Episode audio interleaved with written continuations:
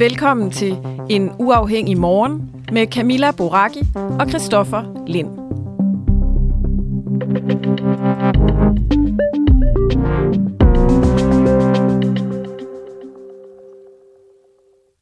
Okay Camilla, vi skal faktisk lige øh, starte programmet med... Øh, vi har en annoncering lige om et kort øjeblik, men før det, så har vi altså fået øh, et svar her fra øh, den, en af de historier, vi har lavet på, øh, på den uafhængige omkring øh, Grønland, og en øh, facility-chef navn Gert Jacobsen, som fik betalt en, øh, en øjenoperation. Og øh, det, det betalte han ikke selv. Nej, det betalte kommunen for ham, altså øh, at han blev øh, flået til Danmark og blev opereret for grås der på et øh, privathospital.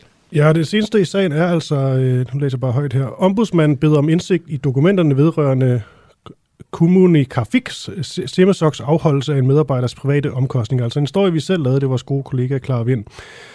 Der står her fra øh, Kim Blokbo, som er retschef. Jeg har i dag bedt Kommunikafik Simmersok om at fremsende mig alle dokumenter, der har berøring med pressens omtale at Simmersok skulle have betalt for en øjenoperation til denne her facility-chef Gert Jacobsen.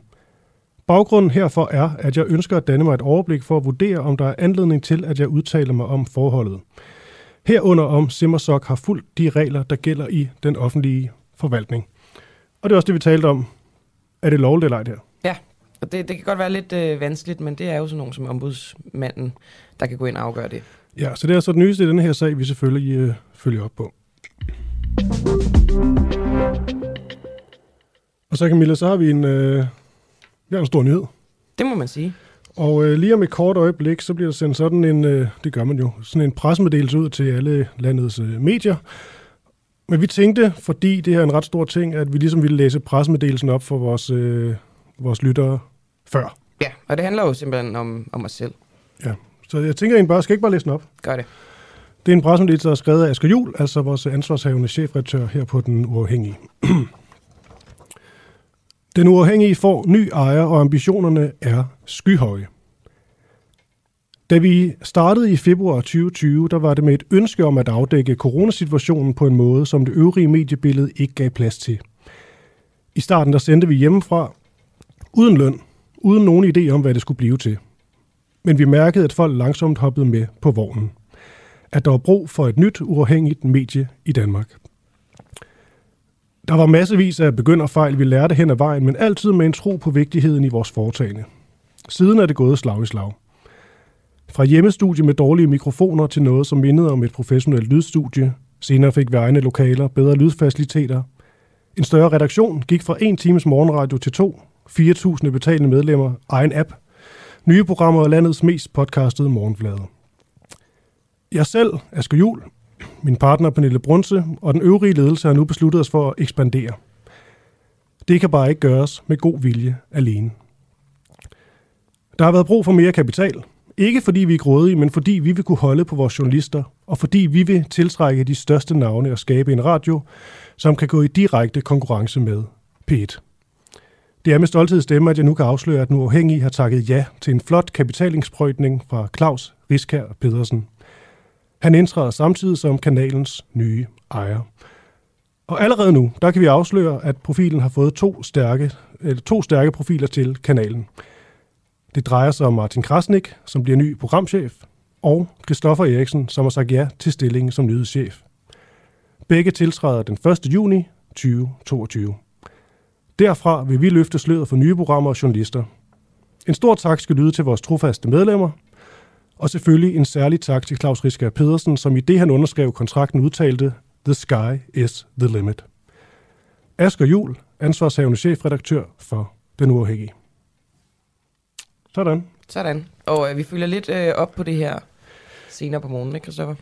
Jo, jeg tænker simpelthen faktisk allerede nu, vi kan starte ud med at høre lidt fra, hvad siger man sådan noget, hestens egen mund, nemlig Claus Risker Pedersen, fordi jeg talte med ham øh, i går i forhold til alt det her, der, der nu sker. Han ligesom kom ind som, øh, som hovedinvestor og ny ejer på, øh, på kanalen.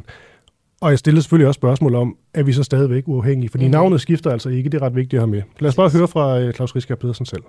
Claus Risker Pedersen, det her det er jo en stor dag for den, øh, den uafhængige. Vi har fået dig ind som, øh, som investor, faktisk øh, ejer af den, den uafhængige. Så ja, velkommen på holdet. Jamen altså, tak skal du have. Og jeg må sige til dig, at det tog ikke lang tid at træffe en afgørelse. Asger Jul og jeg kender hinanden fra Radio 24 år. Jeg var inde og var radiovært jo. Mm. Øh, og arbejdede sammen med Asger. Og med, med det hold, der kommer også med Christoffer Eriksen inde, som jeg også kender godt, så var det ikke svært. Jeg kender ikke Martin, men det er jo noget, der styrker det her, og det var ikke svært for mig, da øh, jeg fik henvendelsen og øh, skulle og ligesom give det her tilskud mm. til, at et så vigtigt projekt kunne, øh, kunne nå øh, i mål. Ja, det er jo... Øh det er jo ikke for forkert at sige, at det er to store profiler, der allerede ligesom er startet og ligesom starter det her, det her op. Hvad altså, øh, hvor store er ambitionerne? Jamen, altså, ambitionen er jo, at vi jo specielt med, hvad vi har set herhjemme på det seneste i relation til corona, og også med hele krigssituationen, der er det jo blevet mere og mere klart, hvor ekstremt vigtigt det er, at vi har en fuldstændig øh, uafhængig presse, så vi altid kan forholde os kritisk til øh, den nyhedsflade, der er, og stille de rigtige spørgsmål. Der er jo meget nyhedsdækning, øh, som bliver meget automatisk og kører meget på autopilot, og der, allerede der er man jo kommet ekstremt langt ved nu uafhængige, og jeg har fulgt det hele vejen igennem, og jeg synes, der har været, jeg har været nogle stolt af det produkt, der er blevet lavet, og jeg synes, de er dygtige folk derinde, og jeg er jo slet ikke tvivl om, de, dem, der står bag det her, deres, øh, det er folk, der har ryggrad, altså folk, der mm. står op for noget, og jeg er meget, meget stolt af at være blevet inviteret med. Øh, de millioner, der skal ind i det, det er jo sådan set små ting i forhold til, hvad vi kan opnå. Jeg synes, det er ekstremt vigtigt, at vi holder os uafhængige. Vi ikke bliver rodet ind i mediestøtte og alt det der rykker mig. Øh, men at man ved, at hos os, der får man altså øh, rene ord for pengene. Til de lyttere, Claus Risker, som er bange for, at den uafhængige ikke længere er uafhængig, nu hvor du er kommet, kommet ind med, med dine, dine penge og din øh, viden og kunde og alt det her. Hvad vil du sige til dem?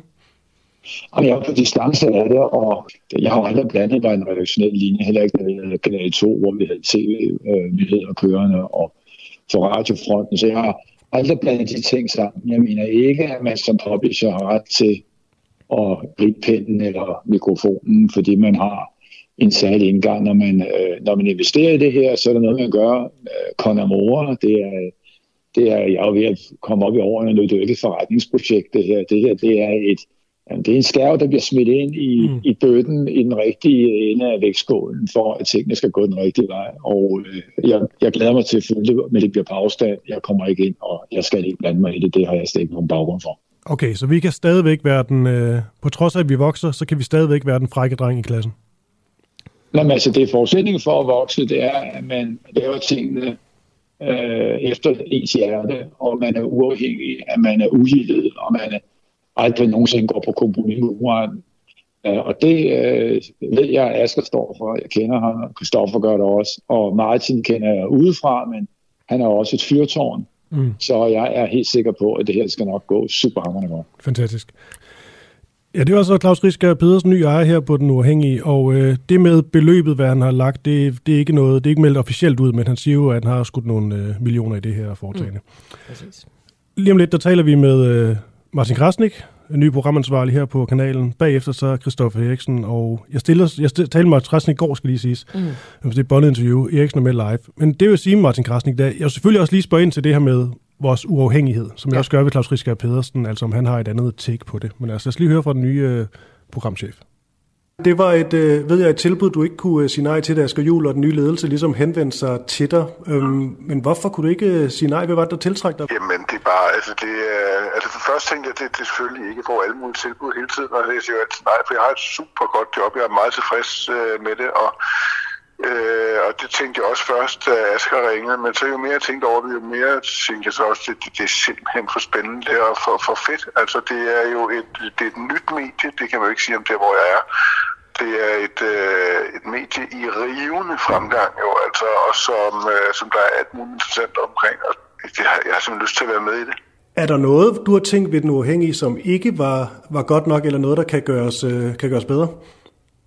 Ja, Altså, jeg har tænkt på det der med den uafhængige, det, altså, det var nok et spørgsmål om tid, før der var nogen, før, før man ikke var så uafhængig mere. Det er jo ligesom sådan, det er. Altså, man har brug for penge og, til at drive et medie, ikke? Og på den tidspunkt, så, så kommer der nogle penge ind, og så er man ikke helt så uafhængig. Men det betyder ikke så meget for mig. Altså, jeg er mere optaget af det der med at, at skulle finde på. Ikke? Altså, altså det, det er nyt, og vi skal ud og finde nogle formater, som er, altså, virkelig rykker. Virkelig rykker og er helt anderledes. Ikke? Og det, det er jo det, jeg skal. Jeg skal være ud og, ud og jeg skal få idéer, og jeg skal altså ud og spejle rammerne for, for hvad, hvad man overhovedet kunne forestille sig på, på lyd. Ikke? Og det, det glæder jeg mig meget til. Har du, øh, har du nogle konkrete idéer? Øh, ja, altså, altså jeg har lyst til at lave et, et, jeg har lyst til et virkelig stærkt, overraskende udenrigsprogram. Altså et ja. virkelig vildt et, ikke? Jeg ved ikke helt lige, hvordan det skal sådan, hvordan det lige skal drejes endnu, sådan lige tweakes, så det bliver rigtig overraskende, men helt klart et, et, et, altså noget helt innovativt inden for udenrigsjournalistik. Har du nogle idéer til øh, værter? Mm, altså, jeg tænkte jo mest på mig selv, ikke? men hvis man nu, ja. nu sætter mig hvis nu sætter mig sammen med to øh, sådan meget gavede, øh, skarpe, måske tidligere udenrigsminister eller noget sådan den retning, ikke? Så, så vil, tror jeg, man kunne lave noget, der var helt nyt og anderledes. Okay, vi har jo her til sidst, Martin Græsning, vi har jo, øh, kan vi se på den pressemeddelelse, Asger Juhl, han er ude med i dag, altså ambitioner om simpelthen at kunne øh, matche P1 i, øh, i størrelse og selvfølgelig også i, øh, i kvalitet. ja. sgu ikke særlig svært. Ja. Altså, jeg ved ikke, har jo set, hvor små pæt efterhånden er blevet, så det, det, det, det, det kan vi sagtens. Ja. Skal vi være større end dem? Det, det bliver vi nærmest være os selv, vil jeg tro. Perfekt. Martin Krasnik, altså held og lykke med det. Vi ses jo hen på redaktionen snart. Jeg glæder mig. Det gør vi. Jeg glæder mig også. Tak.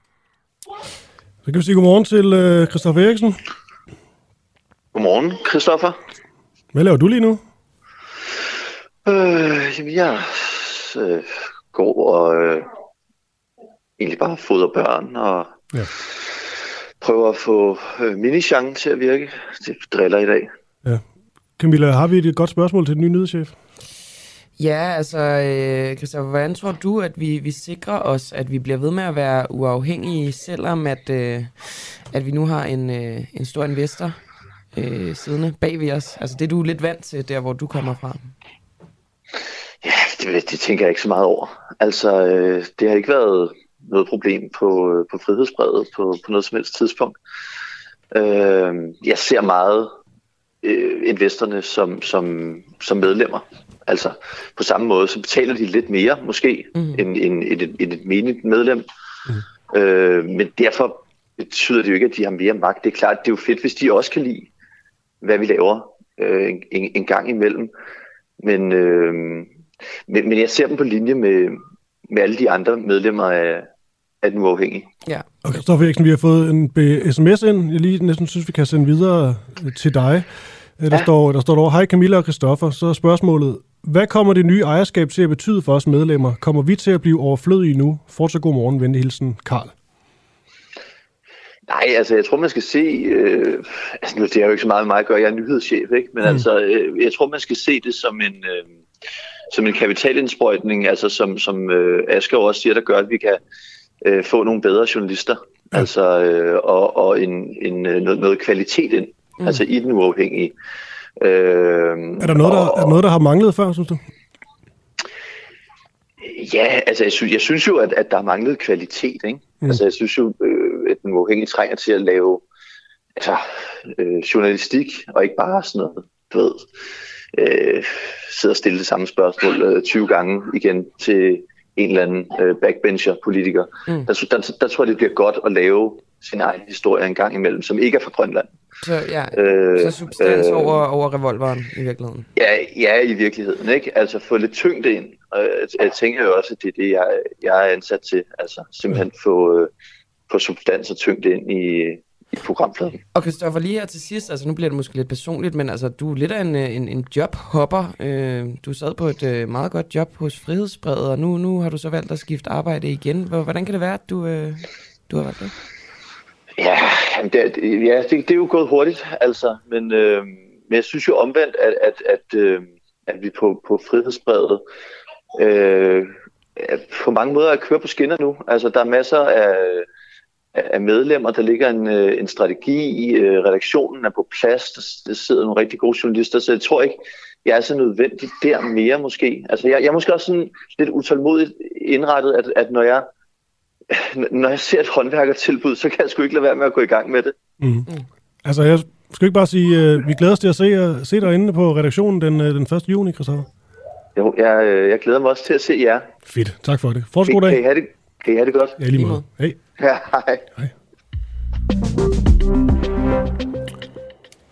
Og så videre. Så videre til øh, morgens øh, program. Jeg kan lige tease for, at mm. øh, vi senere på morgenen skal tale lidt om øh, Jysk. Jysk, som jo øh, har taget et øh, sådan kraftigt standpunkt, kan man sige, i forhold til, øh, til Rusland, hvor de har trukket al deres øh, aktivitet ud. Og det fik jo også til at tænke på Jysks aktiviteter i Belarus, øh, som jo også støtter, hvad skal man sige, Rusland på flere forskellige måder, også i forbindelse med invasionen af, af Ukraine, hvor Jysk jo også har butikker. Og øh, det har vi spurgt ind til, øh, og Jysk har faktisk kommet med, med et, et svar på det. Og øh, det, øh, det taler vi om 8.35, og med det kan jeg jo så også lige sige, at klokken er blevet 7.15. Mm. Og nu skal vi snakke om orgasmekløften. Mm? Yes. For er det et øh, samfundsfagligt problem? Den såkaldte orgasmekløft er omdrejningspunktet i en ny Netflix-serie. Den hedder The Principles of Pleasure, og orgasmekløften, det betegner ligesom den der kæmpe store forskel på, hvor mange gange kvinder får orgasmer i forhold til mænd, når de vel og mærke har sex med mænd. Øhm, Verdenssundhedsorganisationen WHO øh, betragter seksuel sundhed som en tilstand af fysisk, følelsesmæssigt, mental og social trivsel. Øh, så det er jo egentlig øh, ganske vigtigt, at man trives i det. Og nu skal vi tale med Katrine Berling, som er seksolog og ek- orgasmeekspert. Og Katrine, kan du ikke lige starte med at fortælle os, hvad er orgasmekløften, og godmorgen? Ja, godmorgen. Ja, øhm, orgasmekløften, det er, man har simpelthen lavet undersøgelser, hvor man har spurgt en masse mennesker, og så har man spurgt, hvor mange gange de har haft sex, eller ikke hvor mange gange de har haft sex, men hvor mange gange de ligesom får orgasme, når det er, de har sex. Og der svarer heteroseksuelle mænd, at det har 75 procent, de har altså fået orgasme, når det er, de har haft sex, og det er kun 65 procent af kvinder, som der rent faktisk får orgasme, når det er, de har sex. Det vil sige, at der er altså en stor gap imellem, eller en stor kløft imellem, hvor mange mænd, der får orgasme, og hvor mange kvinder, der får orgasme, når det er, de har sex. Det interessante ved denne her undersøgelse, det er så, at hvis du så går ind og så spørger for eksempel øh, lesbiske kvinder, eller øh, og spørger dem, når hvor tit har I orgasme, jamen så, er, så svarer kvinderne rent faktisk, at det er 86 procent af kvinderne, der rent faktisk opnår orgasme. Det er altså lettere for kvinder at få orgasme, når det er, de er i et lesbisk forhold, end når det er, de er i et heteroseksuelt forhold. Så det, det, peger, vel, det peger vel på, at det ikke er, fordi kvinderne er dårligt i stand til at få orgasme? Lige netop. Hvor er jeg glad for, at du siger det. For lige netop. For det viser sig nemlig også, at der er rigtig mange af de her kvinder, der rent faktisk også kan få orgasme alene. Så det er ikke fordi, der er noget i vejen med kvinder, at kvinder ikke kan få orgasme, men det er fordi, der sker noget, når det er, de har sex med mændene, at denne her kløft eller den opstår. Ja, altså øh, alle pile peger på heteromændene, kan man sige, i, øh, i det her. Men, Ikke Jeg, føl, jeg føler, det er skidt indslag for mig, det her. Jeg siger ingenting. Ikke helt.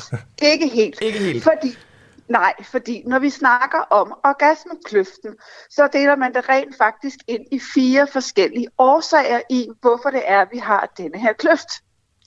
Og den ene kløft, det er helt klart, det er måden, vi har sex på. Og der ligger vi i det, at når det er, vi tænker på sex, så tænker de fleste af os penetration af sex og lige med en og samme ting. Mm. Og det er den måde, der favoriserer mændene. Fordi at mændene, de får deres penis stimuleret, når det er, at øh, de har penetrationssex, altså penis i vagina-sex, og det er den måde, de får orgasme på. De fleste kvinder derimod, de får orgasme fra deres klitoris, og det er ikke særlig mange procent af kvinder, der rent faktisk får orgasme ved ren penetration. Det er kun 20 procent af kvinder, der gør det. Deres klitoris skal altså også stimuleres. Så, så længe vi tænker på, at sex er lige med penetration, så er det, at kvinderne kommer til at halte bagefter, fordi at vi har brug for noget andet for at opnå øh, orgasme. Og det viser også undersøgelserne, at kvinder, der får flere orgasme, når det er, de har sex, så indgår der mere oral sex, der indgår mere dybe sex, der indgår længerevarig sex. De har ofte et godt parforhold øh, til deres partner. De kan bede om det, det er, de ønsker. Og der er stimulation af deres køn på andre måder end kun penetration, altså med fingre og tungen. Katrine, handler det her mest om sådan øh, myter, eller hvad skal man sige, normer? Nu, øh, nu taler du om, øh, om hvilken måde vi har sex på, eller handler Ja, det også ja. om, øh, hvad skal man Ja, sige, det- kvinder, der ikke øh, tør sætte krav, og mænd, der måske øh, er lidt øh, ensporet, eller sagt øh, ja. lidt, øh, eller egoistiske måske? Ja, fordi den første, det er jo måden, vi, vi har sex på. Den er jo ligesom nedarvet. Altså, man kan sige, en gang var det jo smart, at vi havde sex på den her måde, fordi så havde vi sex, fordi vi skulle have børn. Og hvis det er det, vi skal, jamen, så skal vi have penis i vagina. Men vi skal have sex for nydelsens skyld, fordi det skal være dejligt for begge parter, så skal vi tænke sex på en anden måde. En anden årsag til, at kvinder ikke øh, får orgasmer, og det er en af de ting, som jeg arbejder rigtig meget med de kvinder, jeg ser, det er vores tanker. At kvinder har rigtig svært ved at være til stede i det. Vi lader os forstyrre af alle mulige ting undervejs. Vi ligger og tænker på, gør jeg det nu godt nok? Ser jeg nu godt nok ud? Hvad tænker han nu? Har han det nu godt nok? Er jeg nu sexet? Hvad med de der to-do-lister? Sover børnene? Alle de her ting lader vi os forstyrre med. Og det Og gør så mænd ikke i lige så høj grad. Jo, det gør de også, men mænd er bedre til at hoppe tilbage. Mm. Det er som om, at mænd de får en tanke, og så bum, så hopper de tilbage. For de ved jo godt, at hvis de ryger ned ad den vej, så ryger deres rejsning. Så de er meget bedre. De det har værste, tankerne. Ja, ja, ja. Lige netop. Men... Så de har tankerne, men de kommer tilbage, hvor vi kvinder, vi hænger fast i dem. Og når vi først hænger fast i dem, så er vi rent faktisk med til at slukke os selv. Aha, ja, det, er jo, det er jo ikke så godt, men Katrine, øhm, mener du, at orgasme er, er afgørende for det, som øh, WHO, altså Verdenssundhedsorganisationen, kalder for seksuel sundhed? Altså har man brug for orgasmen for at have en seksuel sundhed? Nej, det mener jeg ikke, for det, det er det næste ting med selve orgasmegabet. Fordi jeg mener ikke, at vi bare skal, så skal vi bare øh, øh, formindske orgasmegabet, og så er vores hellige grav velforvaret. Det mener jeg langt fra, fordi det er ikke orgasmen, der gør, at sex er godt. Her skal vi også retænke sex i virkeligheden. Selvfølgelig er orgasme rart, og det er fantastisk, og det er dejligt, men ikke, det er ikke det, der nødvendigvis gør, at, at sexen er god. For du kan rent faktisk godt have sex, der er forholdsvis intetsigende, men du har fået en orgasme. Men du kan også have vidunderlig sex, eller fantastisk sex, hvor det er orgasmen ikke inde. Men, men er går. der ikke Altså, forskel på altså, hvad skal man sige, kvaliteten af sex, og så det, at uh, sex er sundt? Fordi når man får orgasme, Nej, så udløses nej, der jo en masse nej. endorfiner, og man bliver afslappet og sådan noget. Ja, det er vel sådan det nogle også. sundhedsting? Det vil det også gøre, om du har fået orgasmen eller ej. Nå, okay. Ja, og hvis du, der er lige udkommet en ny, øh, hvad hedder det, kanadisk bog, der rent faktisk har lavet en undersøgelse. Bogen, den hedder Magnificent Sex. Og der har de også interviewet rigtig, rigtig, rigtig mange mennesker her, hvor at de spørger om, hvad er det, der gør, at sex er magnificent. Og de fleste af de her mennesker, de taler nemlig om det her, om at det ikke er orgasmen, der gør, at sex bliver magnificent. Det, der gør, det er connection mellem dem, at de er til stede i det, at de sætter tid af til det, at de går ind i det. Og det er jo i virkeligheden også det, som jeg ser, når det er, at jeg sidder og arbejder med par. For eksempel, det er, hvad er det, vi gerne vil have i sex? Det er jo den her tilstedeværelse. Mm-hmm. Vi vil gerne have, at den anden er med. Vi vil gerne have, at vi fordyber os i det, at vi fortaber os i det. Og hvis det bare bliver en jagt på en orgasme, så bliver det en orgasmejagt, og der er ingen fordybelse i. Så de to ting, de kan sagtens modarbejde hinanden på en eller anden måde her, hvor at i min optik, så er det meget bedre, selvfølgelig er det rart, at orgasmen er der, men i det øjeblik, vi kan ligesom smelte sammen, og vi kan gå ind i det sammen, så det er rent faktisk der, det giver os vores dybeste tilfredsstillelse, fordi det andet kan bare give os en tom fornemmelse. Ja, det kan da godt være, at jeg fik en orgasme, men altså, vi var færdige i løbet af fem minutter, eller jeg følte mig ikke fyldt op, eller jeg var ikke helt færdig, eller jeg kunne egentlig godt mere, eller jamen, det er da meget rart, men nu ligger vi bare begge to og sover. Katrine Berling, vi, vi dækker jo det her i løbet af, af morgen. Vi taler faktisk også med ligestillings- og LGBT-ordfører for Socialdemokratiet, Lars Aslan, mm. øh, øh, 7.40. Øhm, her til sidst, bare lige for lige at på den måde få dit ord på, dit take på det. Det her spørgsmål, vi ligesom starter med at stille, er orgasmekløften et samfundsfagligt problem? Det spørgsmål stiller vi også til Lars Aslan. Hvad var mm. dit svar egentlig der? Jamen det vil jeg da klart også mene, fordi at, vi- at der skal være en måde, hvor vi begynder at tænke sex anderledes på. Vi skal, vi skal have vendt den måde, at sex det kun gøres på en måde. Og vi har ligesom sådan nogle script, hvor vi tænker, "Nå, hvad er sex? Om der skal være noget forspil, så skal der være noget penetration, og så skal vi ende på en orgasme. Mm. Det er ligesom den opskrift, vi alle sammen kører på. Og det kan man så sige, det, det, det er ikke der, vi får god sex. hvis vi gerne vil have god sex, og det siger de også i den undersøgelse, de har lavet i Magnificent Sex, at det ikke er den opskrift, vi skal følge. Vi skal meget mere ud og være meget mere kreative og se på sex på mange flere måder, for at vi bliver tilfredsstillet i sex. Og når jeg siger tilfredsstillet i sex, så behøver det ikke nødvendigvis at være, at der har været en orgasme, for du kan sagtens være tilfredsstillet i det seksuelle uden en orgasme. Okay, seksolog og orgasmeekspert Katrine Berling, det var en fornøjelse. og Kan du have en forskud dag? Så tak. Tak. Og så går vi altså direkte fra det til øh, atomvåben, måske over Sverige. Er Ikke sådan Ja, jo, jo, fuldstændig. Altså, hvad ville der være sket, hvis uh, to russiske fly med atomvåben var blevet skudt ned af svenskerne? Fordi i begyndelsen af marts, der uh, var der to russiske fly, som netop krænkede det svenske luftrum.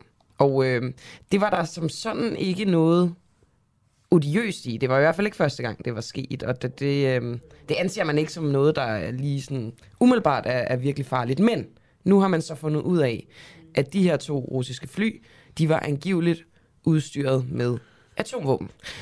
Og øh, flyene, de blev øh, registreret øst for Gotland. Det gjorde de den 3. marts, og der havde, altså da jeg så det her, så kommer jeg sådan lidt op af stolen, og øh, på morgenen, der ringer vi så til Peter Viggo Jacobsen, som mm. øh, jeg snakker med. Han er lektor ved Forsvarsakademiet. Og øh, da jeg så spurgte Peter Viggo, hvordan, altså, var, var det her noget, og var det farligt osv., så, videre, så, øh, så sagde han sådan her.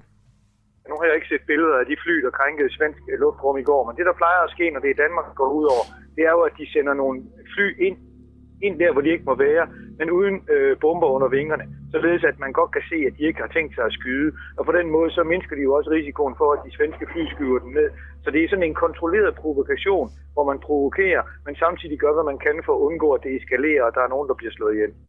En kontrolleret øh, provokation, som ikke øh, umiddelbart var særlig farlig, men øh, Peter Viggo Jacobsen, nu ved vi, at de her to fly var bevæbnet med atomvåben. Så hvad ville der være sket, hvis et af de to fly var blevet skudt ned af svenskerne? Jeg er simpelthen nødt til at... jeg mener, jeg så godt lige hurtigt en overskrift over i går, at man havde haft nogle fly, der kunne medbringe atomvåben. Men jeg indrømme, jeg har ikke selv set nogen data på, at de også havde det med. Så er du helt sikker på, at de faktisk havde atombomben ombord, men ikke bare var en type, som var nuclear capable? For det gør altså en ret stor forskel. Men sådan nogle fly, altså de, de kan så godt flyve, jeg ved jo ikke noget om det, men de Nej, kan godt men, men jeg kan garantere dig for, at de kan, ja ja, de kan sagtens flyve uden bomber med. Altså amerikanerne flyver med den slags øh, hvad det hedder, fly ret tit. Amerikanerne har brugt deres B-1'er og deres B-52'er i både Østersøen og i Barentshavet og forskellige andre steder, hvor de flyver tæt på russerne, også nede i, hvad det hedder, Sortehavet. Øh, okay. Og der har de ikke haft dem med. Altså, de har også haft de har også sendt dem til, hvad det hedder, til Storbritannien på et tidligere tidspunkt i den her krise. Men igen, de har ikke haft våben med. Så det er jo en måde at signalere, at hvis man bliver meget sur, så har man også den her slags våben. Altså, jeg har, jeg har som sagt ikke set, øh, hvad det hedder, set noget dokumentation for, at de rent faktisk også medbragte den slags våben. Men hvis de gjorde, så ville det selvfølgelig være ufatteligt usædvanligt. Men jeg, kan ikke, jeg, kan faktisk, har faktisk meget svært ved at forestille mig, at det havde været tilfældet. Så, så vi ved det ikke. Altså, vi ved, det er fly, der kan bære, bære våbnene ja. med, men vi ved ikke, om de har gjort det. Hvis de har gjort det, så siger du, det vil være øh, usædvanligt. Men lad os så lige... Jo, men tænk nu, tænk, tænk, tænk nu, hvis den gjorde det samme, som det skete med de fly, der faldt ned op på Grønland under den kolde krig. Det var så brændbomber, men det er jo også en slags atomvåben. Det er sådan en rigtig skrammel, hvis sådan et fly det får ulykker. Og du har bare ikke lyst til, at et fly skal få ulykke med atombomber ombord. Og derfor så laster man jo normalt ikke sin fly med den slags våben medmindre man, man, man, er, man, man er bange for, at de måske faktisk skal anvendes. Og det har russerne jo altså ikke lige været, været bange for over Sverige her forleden. Okay, Peter Viggo Jacobsen, det var jo flyvåbnet, som, øh, som tog en billede af de her russiske fly, og det var så angiveligt her, det blev bekræftet ifølge TV4-nyhederne, at de russiske fly var udstyret med, øh, med atomvåben. Er, det... Men er du, sikker, er du sikker på, at det er det, der er formuleringen, og ikke bare, at det var en flytype, der kunne medbringe våben? Ja, altså, form, altså formuleringen er fra, fra øh, hvad kan man sige, TV4 nyhederne, det var, at de, øh, de havde medbragt øh, atomvåben. Men igen, det er, jo, det er jo en kilde på det her. Altså, så vi er jo heller ikke sikre. Nej. Nu, nu skyder den bare ud, men det var altså, historien er ifølge TV4 nyhederne, det er, at, øh, at de medbragte atomvåben. Jamen, jeg så godt, der var en enkelt svensker, der udtalte noget på forskellige medier, men jeg kunne også se, at der var nogen af vores folk, der ikke, der, der, der ikke helt var sikker på, at manden han vidste, hvad han snakkede om. Og, og derfor vil jeg stadigvæk sige, at jeg, jeg, jeg, jeg, jeg, kan ikke, jeg har altså meget svært ved at forestille mig, hvorfor de skulle gøre det, for det giver altså ikke så stor mening. Altså man, man, man, man, man skaber også en ret stor risiko for sig selv, øh, når man begynder at gøre den slags, medmindre det er alvorligt. Og som, som russerne også selv har været ude at sige ved flere lejligheder i forbindelse med den her krig, vi bruger kun atomvåben, hvis vores eksistens er truet. Og det vil sige, det kan man jo dårligt sige, at den er øh, i, i, hvad det hedder, farvandet mellem Rusland og Sverige i øjeblikket. Så jeg vil altså stille mig pænt tvivlende over for, om russerne har gjort. Ja, det skulle du også bare lov til, fordi at, øh, det er jo deres, øh, det er jo en påstand lige nu stadigvæk, så vi ja. forstår.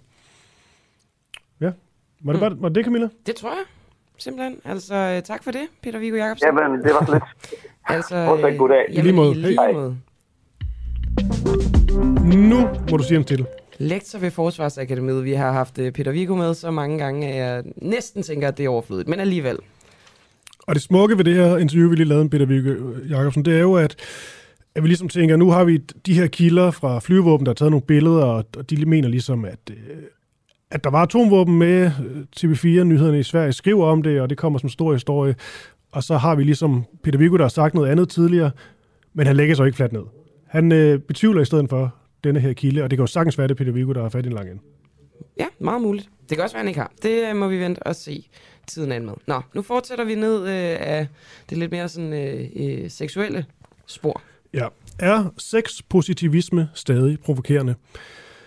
En sexlegetøjsbutik, der ønsker at aftabuisere og normalisere sexlegetøj, har gentagende gange fået smadret deres butiksruder på, øh, på Nørrebro.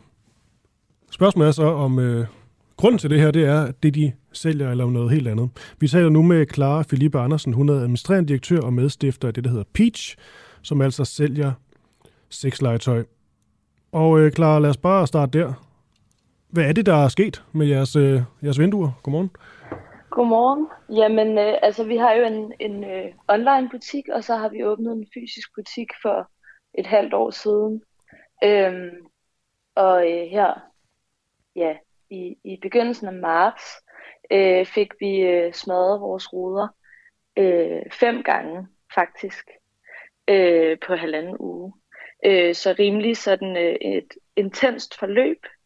Øh, men, men ud over det, så er, er motivet bag øh, jo ikke vist, øh, fordi vi kender det mm. simpelthen ikke. Når du siger smadret, bare lige så at forstå det, er det, er det en, en mursten, der bliver kastet igennem, eller er det noget, der bliver, er det et baseballbat, der bliver brugt? Hvad er det?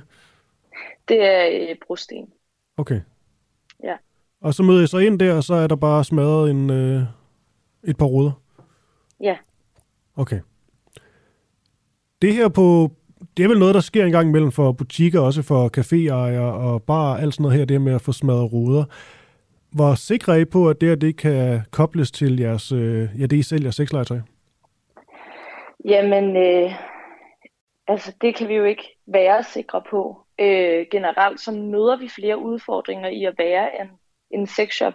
Mm. Øh, og det er ikke bare ved at være sådan fysisk til stede, fordi det har vi egentlig også fået ret mange positive øh, feedback på naboer, øh, der har været forbi i den her periode, hvor vores ruder har været helt knuste, har været virkelig søde og støttende, og har været meget sådan, øh, hvad kunne motivet dog være, fordi for os generer I os ikke i gadebilledet. Øh, men der er, altså, der er øh, udfordringer ved at have en sexshop, mm. øh, og det er også i den i, i online-verdenen, øh, hvor det både er sådan øh, sociale medier, hvor man får taget content ned, øh, og man har svært ved sådan noget at reklamere, øh, så er det også i sådan noget forretningsregi. Det kan være svært at få lokaler til at starte med, når man siger, at man vil have en sexshop. Øh, så kan det også være sådan noget så basalt som at få en for- forsikring eller en, øh, en god bankaftale. Mm. Egentlig underligt, fordi sex sælger. Sex sælger. Mm. Men jeg, skal, jeg vil bare lige høre i forhold til det med de, øh, vende tilbage til de, de smadrede ruder. Mm. Det er bare fordi, nu siger du Nørrebro. Man hører jo mm.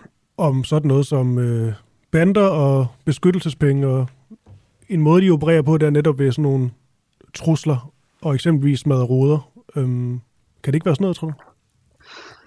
Altså, så tror jeg, vi ville have hørt noget, hvis. Ja. jeg skal være sådan helt ærlig. Ja. Øhm, så det tænker jeg ikke umiddelbart. Øh, men det er jo kun gissninger fra min side.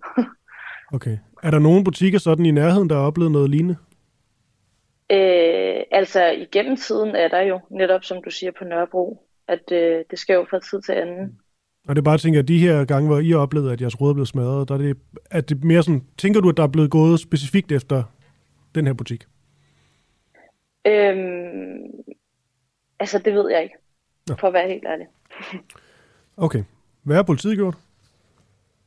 Jamen, politiet, øh, vi har meldt det til politiet, øh, men de beder os om ikke sådan at kommentere på den videre efterforskning.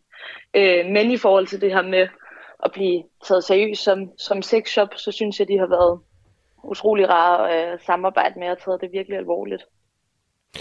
Clara, øhm, du sagde, at I kunne godt øh, altså, mærke, at, øhm, at det kunne være lidt svært at være en, øh, en sexshop. I var udfordret af forskellige ting, blandt andet på øh, sociale medier, men, men også i virkeligheden. Altså, jeg tænker bare på, er det sådan, at øh, folk de kommer ned i jeres butik og siger, kan I, kan I komme væk med jer? Øh, hvordan mærker I det sådan helt konkret i den fysiske butik?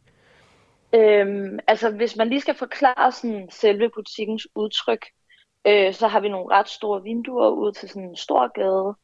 Øhm, og vi har, øh, det lig- man skal lige gå et par trin ned, så det er meget sådan i øjenhøjde, de der vinduer.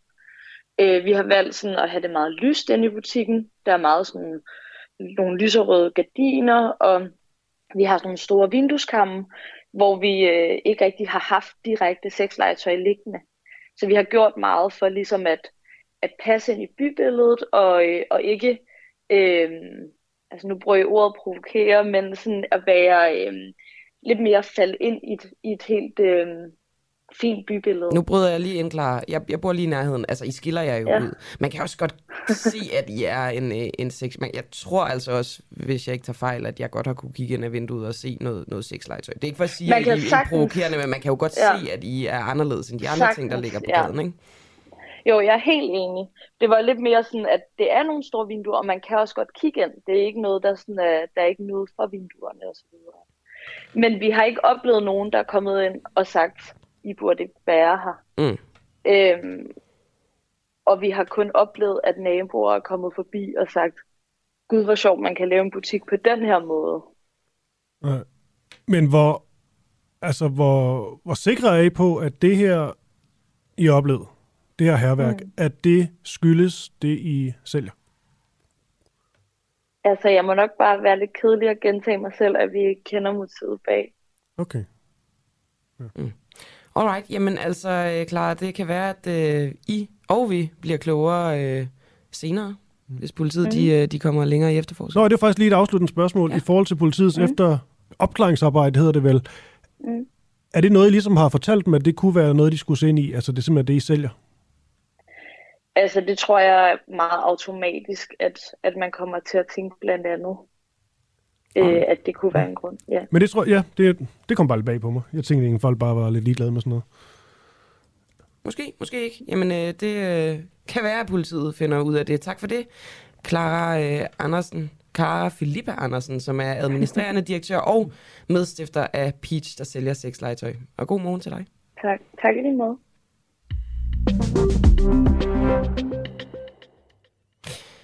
Vi øh, fortsætter øh, her til morgen vores fokus på øh, Astrid Krav og hendes forgængers svigt af handicapområdet, fordi senere der skal vi tale med statsrevisor Claus Fransen. Og øh, statsrevisorerne de har øh, leveret det, som jeg tror roligt man kan kalde for en sønderlemmende kritik af socialminister og socialministeren Astrid Krav og hendes øh, forgængere på socialområdet.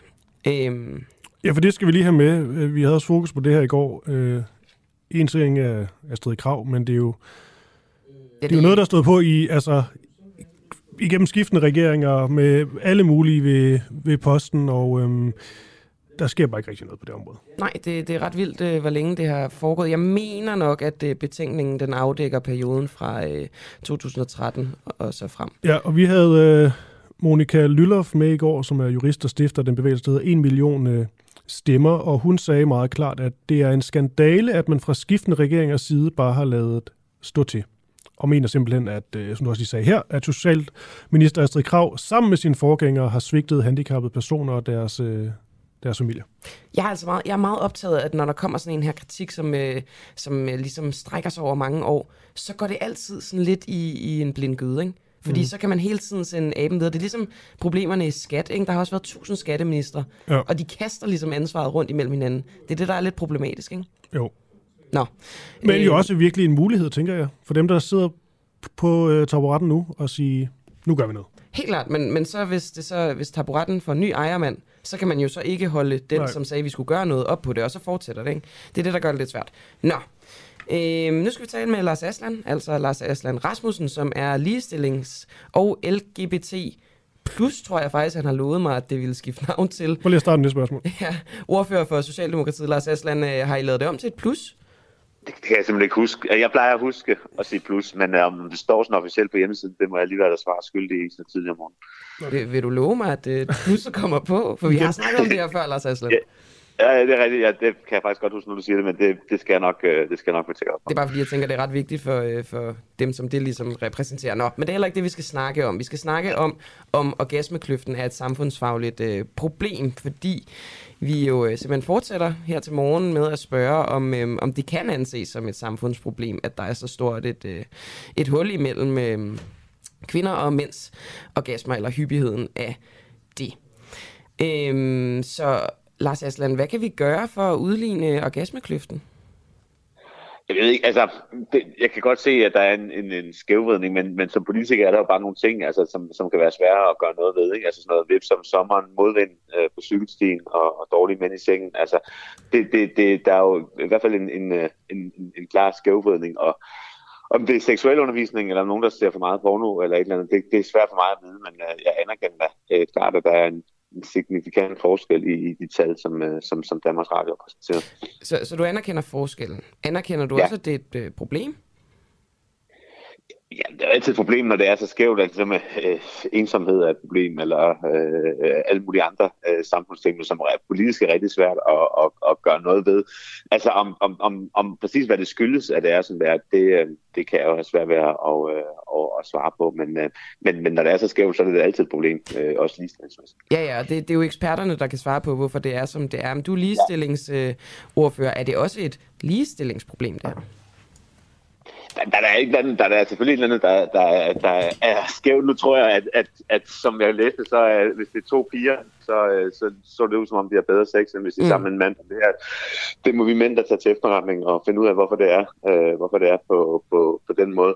Men, øh, men, men det er bare svært politisk, synes jeg, at gå ind i, hvad, hvad man sådan kan, kan gøre for officielt hold. Men, men, men jeg tror da, hvis, hvis man skulle kigge på noget, så var det der seksuel undervisning. Altså, jeg, jeg tror da, det er ikke nogen hemmelighed, at, at det er der et problem også, at der er, er nogle mænd, som, øh, eller drenge, eller unge drenge, som har, har meget let adgang til netporno, og tror, det måske er, er på den måde, det hele skal få. Men man kan sige, altså nu, nu det lyder på dig, Lars Aslan, som om, at, øhm, at du synes, det bliver svært, eller måske ikke synes, det er nødvendigt at gøre det her til, øh, til en politisk ting, men altså, I tyver jo ikke med at lave handlingsplaner og, og opfordre, og du ved, altså indsatser og så videre. Det, det behøver ikke være reel lovgivning, vi har med at gøre her, men, men I kunne jo i princippet godt gøre et eller andet, som du selv nævner i seksualundervisning, ikke? Hvad, hvad er det, man kunne gøre?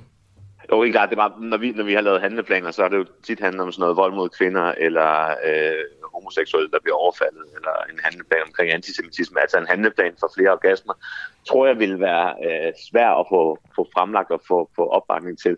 Men, men, men en bedre seksuel undervisning, som jeg vil personligt pege på, kunne, kunne, kunne noget, øh, og vi har også haft meget fokus på, på netporno.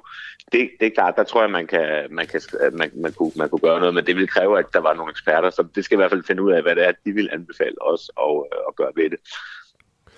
Lars Aslan, vi talte, eller prøvede i går at tale med øh, Lars Bøge Mathisen fra, fra Nye Borgerlige, og han skrev så på Facebook, jeg har i dag fået en henvendelse fra medier om, hvorvidt jeg vil kommentere på, om det er et samfundsmæssigt problem, at kvinder ikke op, opnår orgasme i samme grad som mænd. Ja, det er ikke en joke.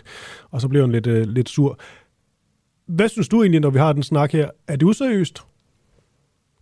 Nej, jeg, jeg, det er jo fordi, det er noget, der er svært at snakke om. Altså, fordi det er jo fordi, mm. vi mænd ikke kan finde ud af det. Altså, så det er jo klart, at det rammer også vidt køn. Altså, det betyder det på, når, der også, når man kan se, at kvinder godt kan finde ud af at give andre kvinder mm. øh, og orgasme. Men nej, jeg synes, at det, det er da færre at snakke om. Altså, det er svært, færre at snakke om, hvis øh, vi har også statistikker, at mænd er langt mere ensomme end, øh, end kvinder, eller der er indvandrerpiger, som går mindre til sport end indvandrerdrenge. Altså selvfølgelig kan man da snakke om sådan noget, det der, det har også, altså sexliv er også forbundet med livskvalitet. Det jeg bare siger, det er, at jeg tror bare, der er nogle ting, som, som, som er, som det er i samfundet, som kan være svære at gøre noget ved. Men hvis det er, at, vi, øh, at der er nogle eksperter, der fortæller mig, og nu, nu ved jeg ikke nok om det, jeg har lige læst den der undersøgelse, så øh, at, at det er seksuel undervisning, eller det er for mange mænd, der sidder og ser porno og tror, at det er en til en, som, som i filmen, at det er den måde, man, man har sex på, ja, så er det da helt klart noget, som jeg synes er fair nok at, at kigge på. Men jeg tror bare stadigvæk, der vil være, der er nogle ting i samfundet, som, som er, som det er, og som, som kan være svære at gøre noget ved. Nu benytter jeg lige lejligheden til, at jeg sidder her med øh, to heteroseksuelle mænd. Altså, kan I heller ikke finde ud af det, Christoffer og Lars Aslan? Altså, er I også for egocentreret i sengen? det skal man næsten svare nej til. Hvem- Hvem starter? Det gør du, Lars Aslan. Yes. Øh, Jeg ved ikke om, altså, Jamen, hvis du nu skal være helt ærlig, altså, er du en del af det her problem? Det, det, kan, da- det kan da godt være, altså så skal du ringe til dem, som, som øh, jeg kender fra tidligere forhold. Jeg kunne godt lave en statistik på det, men det, det ved jeg ikke. Øh, det, det ved jeg ikke, men det er ikke, det er ikke, ikke noget være kender. altså, egocentrisk. Har du været opmærksom på de kvinder, du har været sammen med, orgasmer?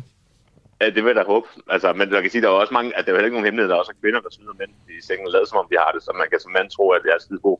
Altså, altså, det er jo, det er jo en... Øh, Altså, det vil jo altid være en, øh, jeg tror, en, en, en smag til, hvordan man har, hvordan man har oplevet det, hvad folk har for, fortalt det. Men, men jeg tror, det går begge veje. Det er lige så meget kvinder, der skal være gode til også at fortælle deres, deres mænd, hvad det er, de skal gøre. Det ved jeg heller ikke om, om altid, øh, om altid er det, der sker. Jeg tænker også, nu bliver det jo virkelig åben med snak det her, men, mm. men det her med, at, at der er jo også bare den ting, vi også vil tale lidt om, at når mænd ligesom øh, får orgasme, kommer, så bliver mænd trætte. Og så er det vel ofte et problem i, at mænd så bare ligesom, det er jo en klassiker, vender sig på siden. Det tror jeg er et af de helt store problemer. Altså, at man ikke er fysisk i stand til at fortsætte, så må man jo holde sig ind til, at, øh, at kvinden har fået sin orgasme. Ah, det er for nemt sagt. Jamen, det er alt for nemt sagt. Hvad siger Fordi du, du, er ikke, du er ikke mand. Du ved ikke. Nej, det er... Nå, okay. Så man holder sig. Jamen, det må vel være det, der er løsningen. Så nemt er det ikke. Du har da ikke prøvet at være en mandekrop. Jamen, det har Lars Aslan. Hvad siger du?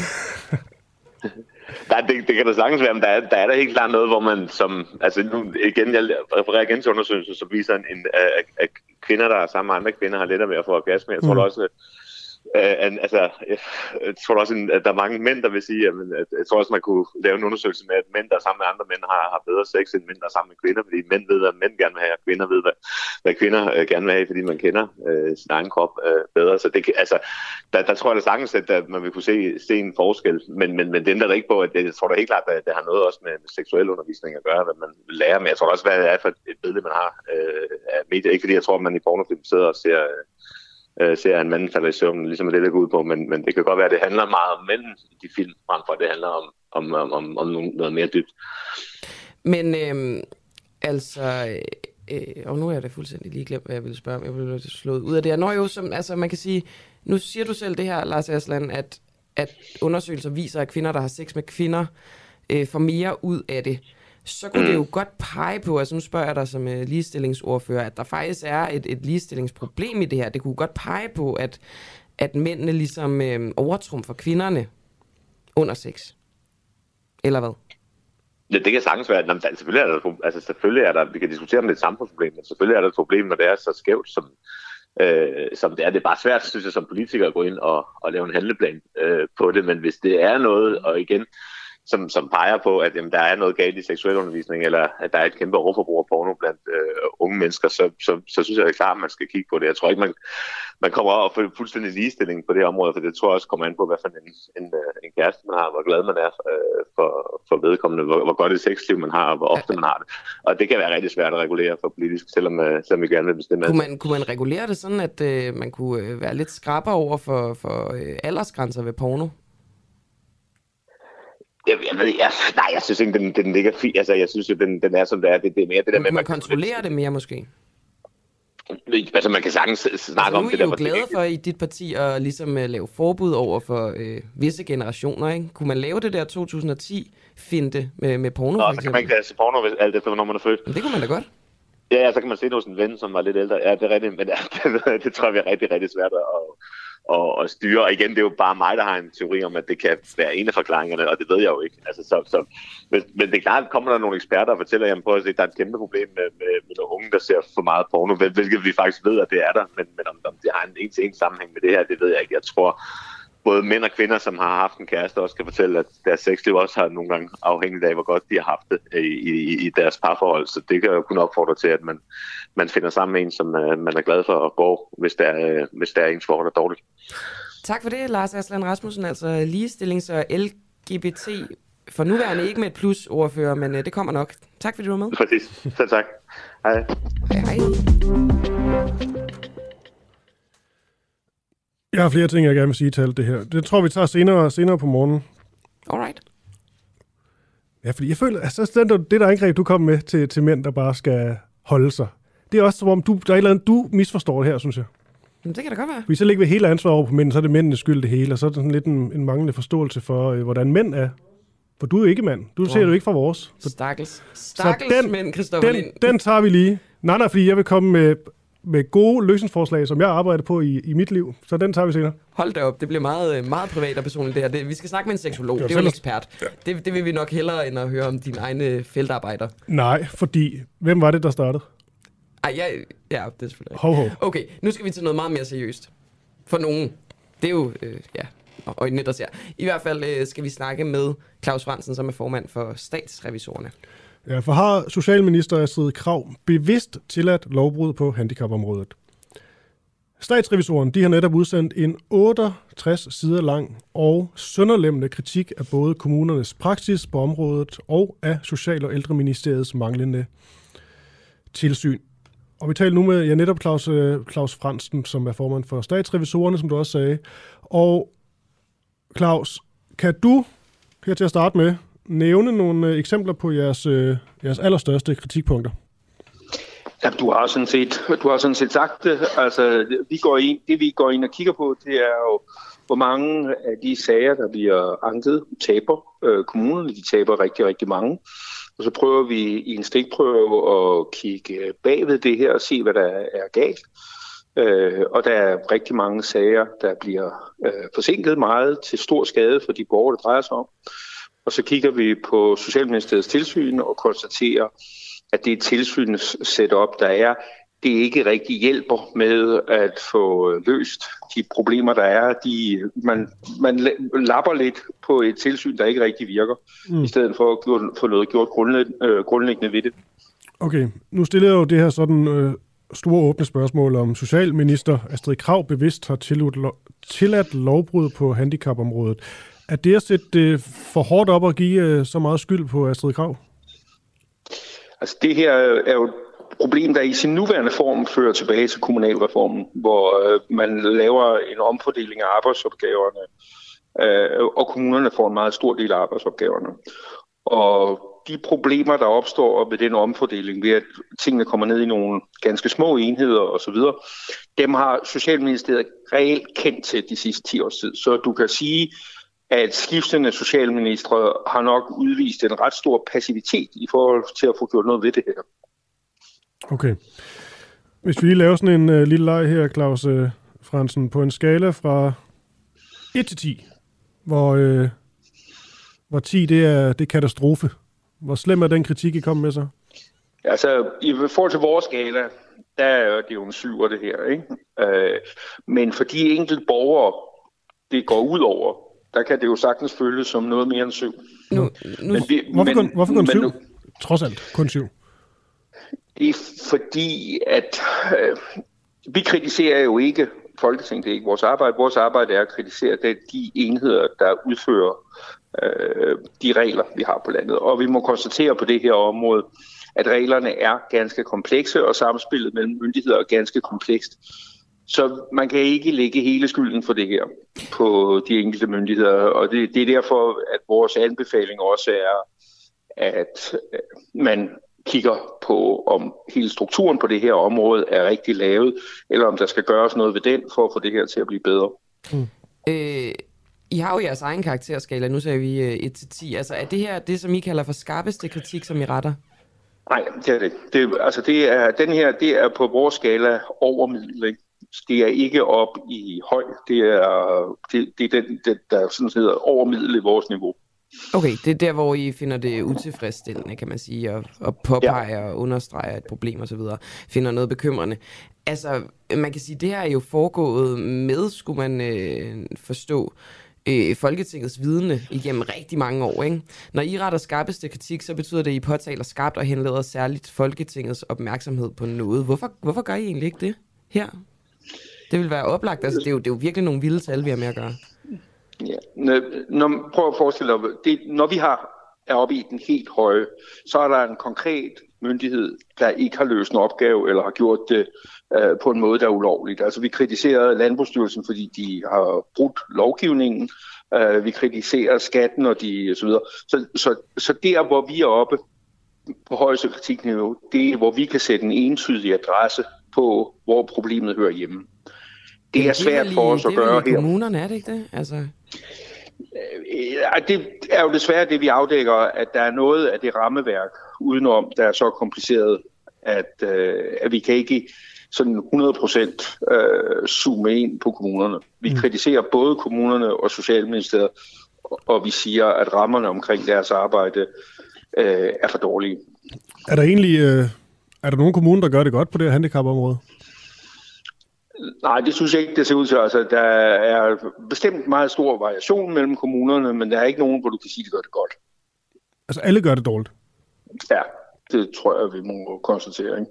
At det, det kan godt være, at det er mig, der ikke er helt skarp her til morgen, men jeg forstår simpelthen ikke, så, så fordi ansvaret er fordelt ud på øh, alle kommuner og Socialministeriet, øh, skiftende socialministre, så kommer man ikke med skarp kritik, hvorimod hvis det havde, nu havde været kun Socialministeriet, så kunne man ret skarp kritik. Sådan er statsrevisorernes setup.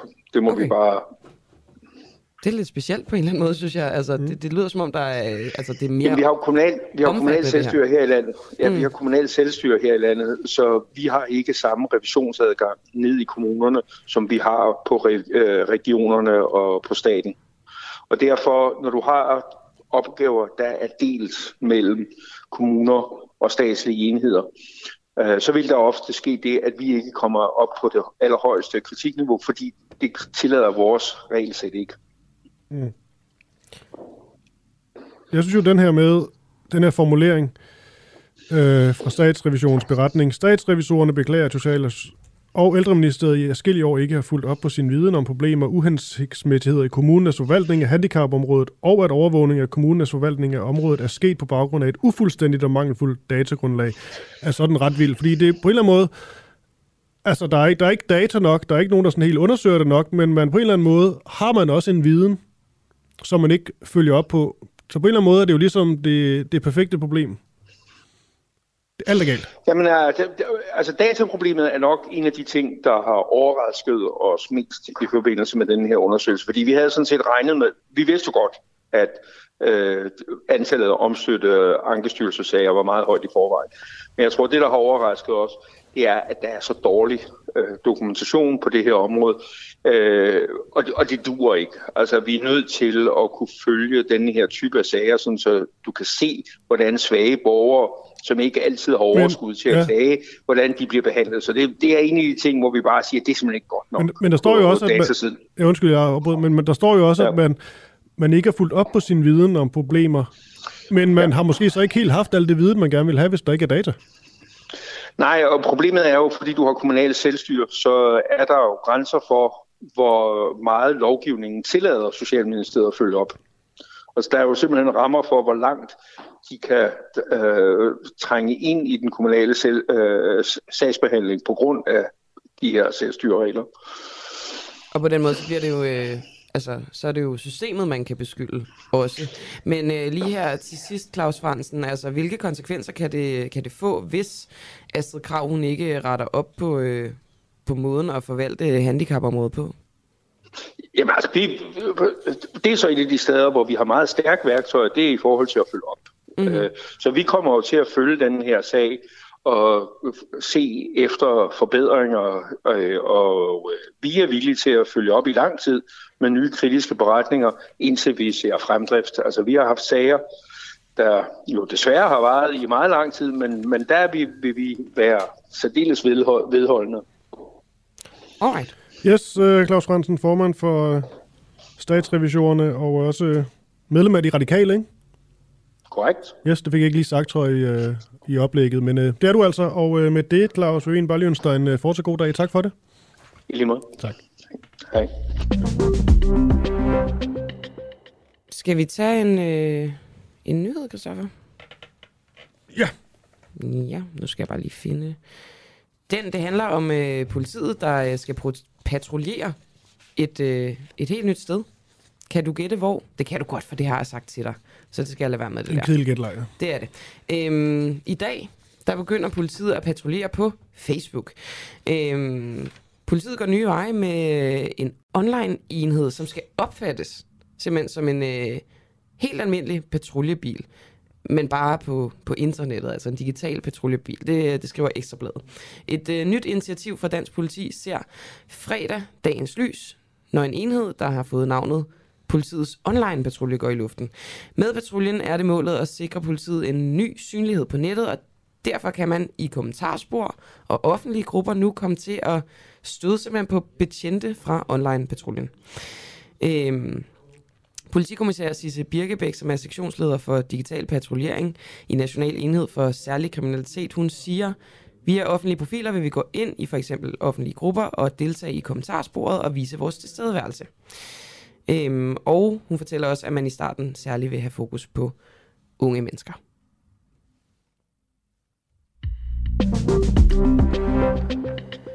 Blev øh, en kurdisk-iransk kvinde tvangsbedøvet, da hun skulle deporteres til Iran. En øh, ret voldsom situation udspillede sig uden for hjemrejsecenter Avnstrup i tirsdags, da en udvist øh, kvinde blev holdt nede på øh, jorden af eller omringet af fire personer. Det viser en øh, video, som er blevet flittigt delt på øh, sociale medier. I første omgang af Trampolinhuset, som øh, varetager interesser for asylansøgere og afviste asylansøgere og flygtninge. Og dem skal vi tale med nu i form af Tone Olaf Nielsen, som er frivillig program- og kommunikationskoordinator i netop øh, Trampolinhuset. Og Tone, øh, hvad er det, der øh, sker i videoen? Vil du ikke lige beskrive det, og godmorgen? Ja, godmorgen, øh, og tak fordi jeg må være med. Øh, det man ser på videoen, det er øh, et, øh, et optøj af øh, kassevogne og civilt øh, beklædte tjen, betjente, øh, en række beboere øh, fra udrejse, eller hjemrejsecenter Avnstrup med små børn, som et stykke inde i videoen øh, står og ser på en kvinde, der bliver ført ud og smidt på jorden øh, med ansigtet opad. Øh, fire betjente, øh, civilt klædte betjente, som sætter sig ovenpå hende for at øh, fixere hende og trykker hendes øh, ansigt øh, ned i jorden. Mm. Øh, og så er der jo så flere øjenvidende beretninger øh, om, at øh, kvinden bliver injiceret, mm, vi ved ikke med hvad, i halsen. Altså folk siger, at hun har fået en indsprøjtning. Var, var I Øhm, og til det- stede, altså folk fra Trampolinhuset? Nej, vi var ikke til stede. Øh, Jeg lå hjemme i min seng og sov, og fik et opkald meget tidligt om morgenen, og så fik jeg et til opkald, ikke rigtig øh, meget tid, øh, hvad hedder det, undskyld, meget kort tid efter. To forskellige beboere, som ringer til mig og siger, at der sker noget forfærdeligt, og en af de her familier, som vi kender fra trampolinhuset, er ved at blive udvist. Mm. Og der var en hel masse alarmklokker, der ringede ind i mig, fordi at øh, jeg for det første fik fortalt, at øh, de havde tænkt sig at tage kvinden, altså moren, og to af familiens tre børn med, og efterlade faren og et, øh, den sidste søn på under tre år. Det var den ene ting. Jeg har aldrig hørt, at man har tvangsadskilt en, en familie øh, ved en tvangsudsendelse. Jeg kender til masser af tvangsudsendelser, og jeg kender til masser af frihedsberøvelser, Mm. som er foregået på den her måde. Så det var det ene, der var virkelig, Og virkelig det, og, problematisk. og det andet, Tone, som, øh, som jeg kan se, at I har øh, fundet problematisk, det er jo måden, det er foregået på. Det her, I skriver blandt andet på øh, Facebook og Twitter, at øh, hun, som du også siger, fik en beroligende indsprøjtning. Du siger, mm. det er øjenvidende beretninger. Ved- Altså, men hvor ved I fra, at det er det, der er sket? Altså, trampolinhuset er jo et øh, medborgerhus for flygtninge og asylansøgere. Vi kender de folk, der ringer til os. Øh, på det tidspunkt er der ikke øh, øh, noget om nogen video. Der er simpelthen et, et, et, et, et råb om hjælp. Øh, kan vi gøre noget for den her kvinde, som er ved at blive sendt tilbage til Iran på et udløbet pas, uden sin mand og uden sit ene barn? Og jeg kontakter øh, efter de to opkald øh, familiens tidligere øh, advokat øh, og får sat en hel masse ting i gang. Øh, jeg får tilsendt videoen senere, øh, og vi aftaler, at, øh, at den skal deles på de sociale medier, fordi det er så brutalt. Mm. Så da folk fortæller mig, at, øh, at kvinden har fået en indsprøjtning, så har jeg overhovedet ingen grund til at betvivle det. Øh, Hvorfor ikke- hvorfor ikke det? til de kilder. Øh, Vi har fuld tillid til de kilder, ligesom journalister, der taler med anonyme kilder, øh, har tillid til deres kilder. Okay, Øh, nu har du, nu har du, men nu har du set den her video. Er du stadigvæk sikker? Ja, fuldstændig. Der, Ser du, da hun bliver sprøjtet? Får Nej, den indsprøjtning? man kan ikke se det i videoen. Øh, men de øjenvidner, som, øh, som beretter om det her, øh, er villige til at tale med journalister, hvis de kan forblive anonyme. Øh, og det er jo inden for... Men er det her, er det her objektive, uvildige kilder, som har givet dig de oplysninger, eller er det nogen, der også godt kunne have en, øh, en sag? Som jeg siger, øh, så er der ingen grund til, at de her mennesker skulle overdrive øh, om, hvad det er, der er foregået. Fordi på det her tidspunkt har vi slet ikke nogen strategi for at komme ud med det her. Men hvem er, hvem er, de, her, hvem er de her mennesker? Det er mennesker, der bor i øh, hjemrejsecenter Avnstrup. Men de kunne, jo, de kunne jo også små godt have en, øh, nogle aktier i at gøre det her til øh, noget mere dramatisk, end det rent faktisk var. Nej, jeg tror faktisk, at de er ret øh, angste ved den her situation. De har nogle børn og dem selv, som er traumatiseret og bange for, at det er dem, der bliver øh, banket op midt om natten og skal afsted næste gang. Og det er også derfor, folk har, har været bange for at stå frem med navn, fordi de er bange for, at det får repræsalier, ikke bare hjemme i deres øh, oprindelseslande, som de er flygtet fra, og som de skal sendes tilbage til, men også i forhold til de danske øh, udlændingeretsmyndigheder. Lad os lige høre, hvad øh, udlændinge- og integrationsordfører fra Socialdemokratiet, øh, Rasmus Stoklund, han siger om det her. Mm-hmm.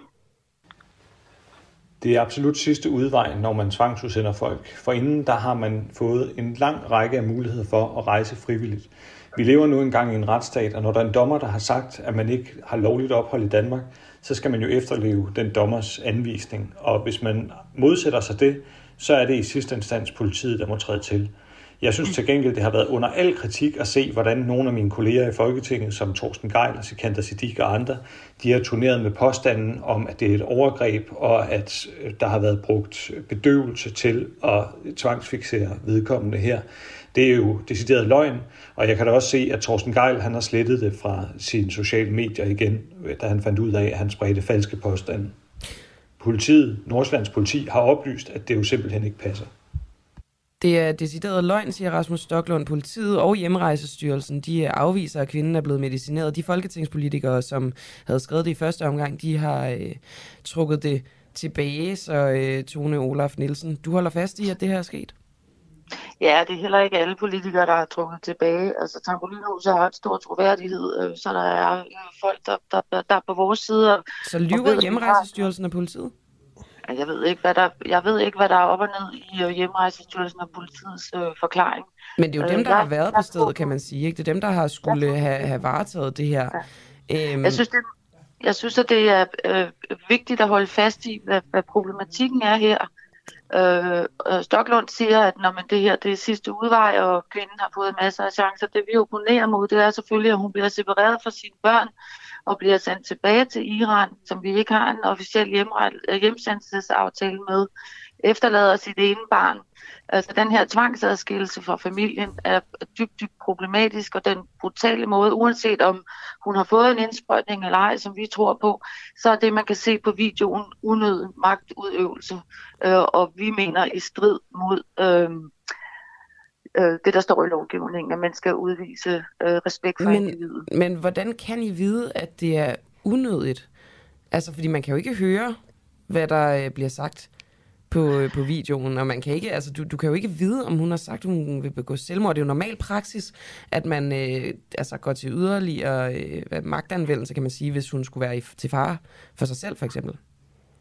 Jamen, jeg ved ikke, om, om øh, jer i studiet og lytterne, der lytter med, kan forestille jer, hvordan det er at, øh, at blive ført ud til en kassevogn, hvor ens to øh, sønner allerede sidder inde i kassevognen, og ægtemanden og det lille barn øh, befinder sig i et rum på asylcentret. Og øh, stå til en udvisning til Iran, som man er flygtet fra som etnisk øh, kurdisk minoritet. Men, men Tone Olof Nielsen... Ja, det bliver jeg bare nødt til at holde fast i. I, ja. kan, I kan spørge mig igen og igen. Øhm, vi mener, at det er brud på familieretten. Øh, mm. Øh, det her, øh, familien har heldigvis fået en advokat på sagen, øh, som både vil klage over den brutale håndtering af kvinden på baggrund af det, man ser i videoen. Jeg håber også, der kommer en undersøgelse af, om det er korrekt, at der er blevet givet en indsprøjtning eller ej, som vi ja, hævder, hvis... at der er på baggrund af de vidner, vi har til. Hvis vi lige bliver ved det her med, hvordan det blev håndteret, at hun skulle udsendes. Hvad skal mhm. man gøre med udlændinge, som skal sendes ud af landet, hvis de nægter? Hvis, hvis, mm-hmm. altså, hvad, hvordan får man dem så ud? Ja, men man skal jo i hvert fald starte med at gå et skridt tilbage og sige, at vi har en problemstilling i Danmark med afviste asylansøgere, som sidder fast i et udrejsecenter øh, situation af en eller anden grund. Øh, det kan være, at der ikke er en hjemsendelsesaftale med landet. Kan være, at Danmark ikke kan sende tilbage på grund af krig, eller fordi man ikke har en aftale. Men hvis vi så går et skridt øh, frem, så fordi det, det, ja, men det, det, egentlig, det var egentlig ikke det, jeg spurgte om. Altså, det, det er mere det her jo, dilemma med... Vi bliver nødt til at spole, vi bliver nødt til at spole Øh, de fastlåste sager her må håndteres på en anden måde end at tvangsudsende folk. Det er min pointe. Mm. Og det er der andre NGO'er, som Refugees Welcome for eksempel, som har skrevet en, en, en vanvittig god rapport om, kommer med en række konkrete behandlinger, øh, forslag til, hvad man kan gøre ved de her fastlåste øh, asylsager med folk, der er blevet afvist. Og, men, men spørgsmålet lød, lød jo på, hvis vi har en person, familie, hvad det kan være, som skal sendes ud af landet, men nægter, mm. hvad gør man så? Jamen, man skal i hvert fald ikke adskille familierne. Øh, det er fuldstændig uhørt. Jeg har ikke hørt, at man har sendt øh, øh, kun enkelte familiemedlemmer afsted, og slet ikke en, almin, øh, en enlig kvinde med kun to af sine tre børn. Men, altså, det, det er fuldstændig øh, uansvarligt. Men, men hvis man ikke må bruge magtanvendelse på nogen som helst måde, hvad skal man så gøre? Jamen, jeg synes jo, man skal have den her, øh, altså man skal have øh, tvangsudsendelsesmetoderne op til revision i det hele taget. Man skal se, om man kan hjælpe folk tilbage på en anden måde. Det skal gøres meget tidligere i systemet. Man skal måske undersøge, hvis det ikke har været muligt at, at udsende øh, familier eller individuelle i mange år, så skal man måske have en procedure om at at gen, øh, genoptage deres sager regelmæssigt og se, om der er noget øh, at gøre. Måske overveje at give folk øh, humanitært ophold på et andet grundlag. Øh, eller hjælpe dem med at komme hjem på en forsvarlig vis. Øh, og det gør man jo blandt andet ved ikke at fastholde øh, asylansøgere i et øh, asylsystem, hvor de ikke må arbejde, hvor de ikke må uddanne sig og gå til og mister ressourcer, som de måske er kommet med og har men, lyst til at bidrage med. Men Tone Olof Nielsen, undskyld, jeg lige afbryder dig nu igen, men det er fordi, jeg synes ikke rigtigt, du svarer. Hvis vi nu siger, at systemet er, som det er, procedurerne er, som de er lige nu, lovgivningen er, som de er, som det er lige nu, hvis man så øh, opholder sig øh, ulovligt, man, man er blevet, blevet afvist øh, til asyl, hvordan skal man så få folk ud, hvis ikke man skal tage magtanvendelse i brug? Det har du stadig ikke svaret på. Lad mig sige det helt tydeligt. Øh, det står i udlændingeloven, at det er ombudsmandens opgave at sikre, at øh, tvangsudsendelser ikke sker uden unødig magtanvendelse og med respekt for individet. Og det synes vi ikke sker i det her tilfælde på den her video. Men det er jo ikke det samme som, at man ikke må anvende magt. Altså, og så synes så det er vurderer det, vi diskuterer I lige nu. Vi diskuterer, om den her kvinde er blevet behandlet for brutalt, mm. og vi diskuterer, om det er, om det er menneske- og familierettighedskrænkende at sende en mor afsted uden hele sin familie. Så man må godt det, ifølge jer anvende magt, hvis nogen, altså hvis der er behov for det, hvis nogen nægter øh, at blive sendt hjem, altså at frivilligt tage hjem. Jeg håber selvfølgelig, at, øh, at, øh, at den her opmærksomhed, som den her sag har fået, hvilket alle er glade for, øh, beboerne i Avnstrup, øh, alle de NGO'er, som arbejder med de her ting, og også en del politikere øh, på, på, på Christiansborg, og en stor del af befolkningen, som har kommenteret den her video. Vi synes alle sammen, at det er på tide at kigge på, om man kan udsende folk på en anden måde. Jeg kan ikke sige det på andre måder. Alright, jamen... Er det okay? Øh... Jamen, det, selvfølgelig er det okay. Tak for det, Tone det er øh, Olaf tak, Nielsen. Altså, jamen, det var da så lidt frivillig program- og kommunikationskoordinator i Trampolinhuset.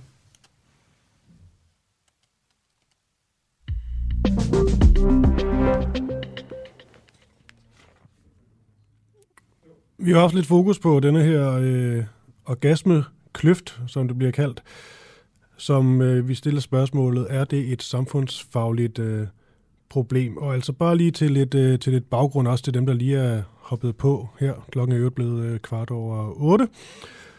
Den her såkaldte orgasmekløft, det er omdrejningspunktet i en ny Netflix-serie, der hedder The Principles of Pleasure. Her til morgen har vi spurgt flere af vores gæster, om det kan ses som et samfundsproblem, at kvinder får langt færre orgasmer end mænd, når de vel og mærke har sex med mænd.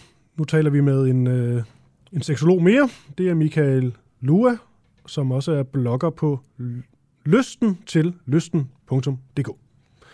Og lad os bare stille det her spørgsmål, vi har jagtet svar på hele morgen, nemlig hvorvidt der er en orgasme kløft eller ej. Er der det, Michael, og godmorgen? Ja, godmorgen. Øh, 1. april, herlig solskin, og vi skal snakke om orgasmer. Ja. Øh, og det altså, er ikke en april snart? Det er ikke en april snart, nej. Øh, altså på min seksologuddannelse øh, i klinisk seksologi, der var det jo god latin, at øh, kun øh, 20 procent af kvinder, de oplever orgasme med penetrerende samleje. Så der er, der er en forskel. Altså, der skal noget andet til. Øh, selve begrebet orgasmekløften, det synes jeg er noget sludder. Det er altså et eller andet, øh, der er fundet på på et universitet. Man har kunnet måle en forskel, og hvad så? Øh, jeg synes, der er et grundlæggende problem ved at tale om orgasme, og det er, at vi faktisk ikke ved, hvad det er. Hvis man kigger på sådan neurologi, neurofysiologien, hvad der sker i kroppen og sådan noget, vi ved det ikke. Altså man kan sætte nogle elektroder i hjernen, og der er nogle områder, der lyser op, og der sker noget nede i bækkenbundens muskler, der trækker sig sammen. Men hvad der skal til, hvor meget der skal til, det ved vi ikke. Vi ved ikke, hvad det er, der, der sker, før at øh, en stimulation, så enten kan være taktil, kropslig eller mental, at den pludselig øh, kommer over og bliver det, vi kalder orgasme. Okay, vi talte så, jo med en, en anden seksolog, øh, Katrine Berling, tidligere på morgenen. Hun ja, sagde, at der var, var en, ja, en orgasmekløft. Du siger så, at det her med orgasmekløften, det er noget, noget sludder, selvom man godt kan måle en, en forskel. Hvorfor egentlig? Er det, hvorfor er det noget sludder? Det er jo statistik. Ja. Altså, jeg, jeg synes, det, begrebet, har sin, begrebet orgasmekløften har sin berettigelse, hvis det kan få os til at tale sammen om vores seksualitet. Så er det skide godt. Men hvis det bliver brugt som en hammer, til at slå nogen med, og her der, der er det for øjeblikket, der er det mændene, der får tæsk med det, så synes jeg, det bliver idioti. Mm. Hvorfor det? Nej, der, hvorfor, altså, hvorfor skal vi slå hinanden med, med det og, og kaste med skyld? Hvis I stjæler vores orgasmer? Hvad? Hvis I stjæler vores orgasmer? hvem, hvem stjæler hvad? Jamen, det, det, det er simpelthen bare et spørgsmål. Hvis det nu er sådan, at mændene stjæler kvindernes orgasmer, så må man vel godt slå med en, øh, en stor hammer? Jamen, altså, en orgasme, det er jo bare en del af seksualiteten, som Katrine også sagde. Der er jo rigtig meget omkring kontakt og nærvær og intimitet og så videre. Hvor orgasme, det er jo bare, altså tidsmæssigt, så er det jo bare et lille bitte øjeblik. Men du får, men andet, du får jo også orgasme hver gang, Michael, gør du ikke? Nej. Nå. Nå. Øh, altså... Øh... og, jeg, og, og, jeg får, og jeg får rigtig gode orgasmer, og nogle gange så får jeg rigtig dårlige orgasmer. Dårlige? Så der... Ja. Nå. Ja, altså, Vil du ikke lige beskrive det? Hvad er en dårlig men, orgasme? Men, det er en lille det, det, er bare, det er bare sådan en lille... Øh, altså, mænd bliver set på, som det er så nemt, fordi hvis de artikulerer, hvis de sprøjter, så er det for orgasme. Ja. Ja, men altså, du kan, du kan artikulere, og så kan du have hele kroppen med, og du råber og skriger, det hele det, det bimler, ikke? Jo, jo, ja, og så kan det være sådan en, en lille ting, ikke? Så, jo, det kan så, det være det mest, øh, mest, mest meningsløse nogensinde. Ja. Det kan føles meget tomt, ja. Camilla. Ja, det kan det. Jo, altså, ja, ja, ja, ja. Altså, øhm, nu, jeg, jeg skal bare lige tilbage på sporet. øhm, hvis det ikke er mændene, der er årsagen til de manglende orgasmer for kvinder, hvem er det så? Jamen altså, kvinders orgasmer er kvindernes ansvar, og Aha. mænds orgasmer er mændenes ansvar. Nå, jeg troede faktisk, det var et, øh, et samspil. Jamen, det, det, kan, det kan det jo blive. Altså, det, altså, god sex, det er jo et, et, et, øh, et samspil mellem... Nu, nu, altså, man kan jo have sex med mænd og mænd og kvinder og kvinder, og lige nu så taler vi om sex mellem mænd og kvinder, ikke? Mm, øh, bare lige for at parkere det andet ja, Det har ikke noget med patriarkatet at gøre, altså en, en, en kultur, hvor at mænd har overtrumfet kvinder i, i soveværelset og andre steder. Altså, hvis, hvis, der, hvis der er noget galt med seksualiteten, så må man jo sige til. Og, og der kan orgasmegabet godt øh, blive en anledning til at, eller orgasmekløften til at sige, hey babe, we need to talk. Øh, men der er jo nogle anatomiske og fysiologiske forskelle, fordi til syneladende kan mænd komme hurtigere, øh, fordi det anatomisk neurofysiologisk tager længere tid for en kvinde at blive ophidset.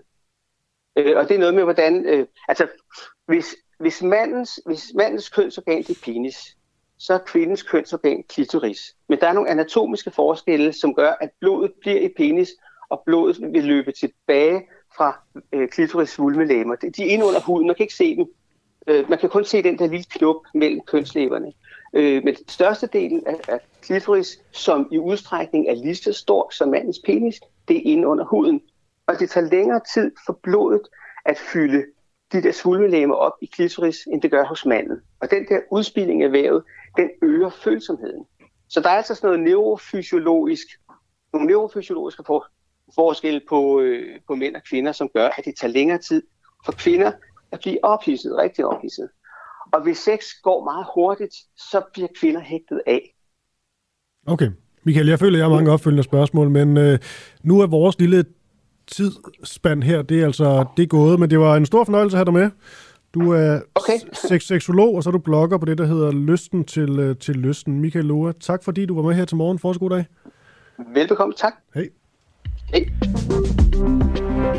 Og så har vi fået en anden Michael øh, i studiet. Michael Bjergum, som er tidligere direktør for World Food Programs nordiske kontor. Vi skal tale om noget ja, ganske andet. Det må, det må man jo øh, virkelig, virkelig sige. Altså, man skal tale om, øh, hvilke ting man ikke må tale om i øh, Rusland. Og Michael Bjergum, du har gennem hjemmesiden øh, 1920.nu sendt 300-400 mails til tilfældige russere for at oplyse dem om krigen i Ukraine. Og du er kommet igennem til øh, en mand, som vi holder anonym, som bor i øh, Krasnojarsk i Sibirien. Og øh, Michael, kan du ikke lige fortælle, hvordan du er kommet i kontakt med den her mand?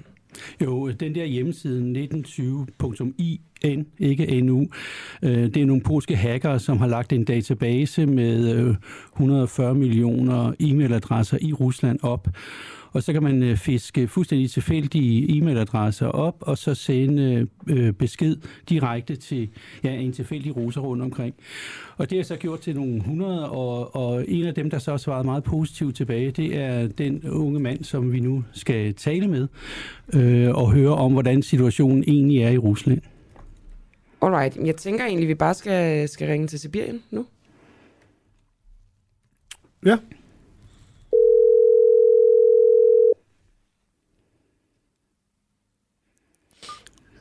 Hello. Hello, my friend. This is Michael calling from Denmark. Hello, Michael. Uh, I'm glad to see you. Yeah, how are you? Uh, well, uh, I'm fine, thanks. I'm bombs not over my head, so uh, so I'm fine. Okay, that's that's good to hear. Um, I would like to to start uh, to, uh, asking you what went through your head when you received my email out of the blue. Um, well, it's uh, it was great feeling because um, wow, they uh, they found a clever way to do it because uh, usually uh, all our media, uh, TV, radio, newspapers, and so on, over government control, and uh, you found the way to send us information through this firewall, and that's that's cool, and it was wow, they get it, they get the way, and. Um, uh, exactly about your letter. Uh, your letter was with uh, our scientist scientist um, text. That was great too because we love scientists, and uh, if scientists something say, it's uh, it's it's good. Uh, and when I understood that you, Mr. Bijaram from um, Denmark, it's, it was wow, perfect. The person uh, from a country where people love their life uh, calling to, uh, to, tell me information and that something is wrong and that is perfect. That is that's how it should be. Thank you about it. Uh, thank you. Uh, we are very interested in what's going on in Russia because we have no journalists in Russia anymore. They all uh, left after the last uh, law yep. was passed. So we would very much yep. like to do uh, to know how the situation is for you in in Russia. what what kind of things can you uh, say about the war? is there anything illegal to say? Uh, okay. Uh, yep. Uh, there are no uh, there are no news about war in Russia too because uh, um, there are we lost all uh, all independent journalists. it's illegal now. So only way to get information from us is now legal media from this government control, and that's why we have information from outside. Uh, as you. And um, but we still have uh, exactly in here uh, in Russia we. Um, we have no bombs over our heads, so uh, it's safe for us. Yeah. But you know, that feeling it's like uh, it's it's like uh, silence. Silence here is nobody nobody talk, nobody laugh, nobody loud, uh, and uh, this horrible silence like before storm. It's like uh, we have a diagnosis cancer, but uh, we, we we are alive still, but we know what will be in soon. And uh, when you're asking about uh, what is illegal now, illegal is everything. Only thing we can do is talking about job, about families, and so on any sam in, uh, about war is illegal. Any sam about politics about our government is illegal, um, uh, even in talk with each other.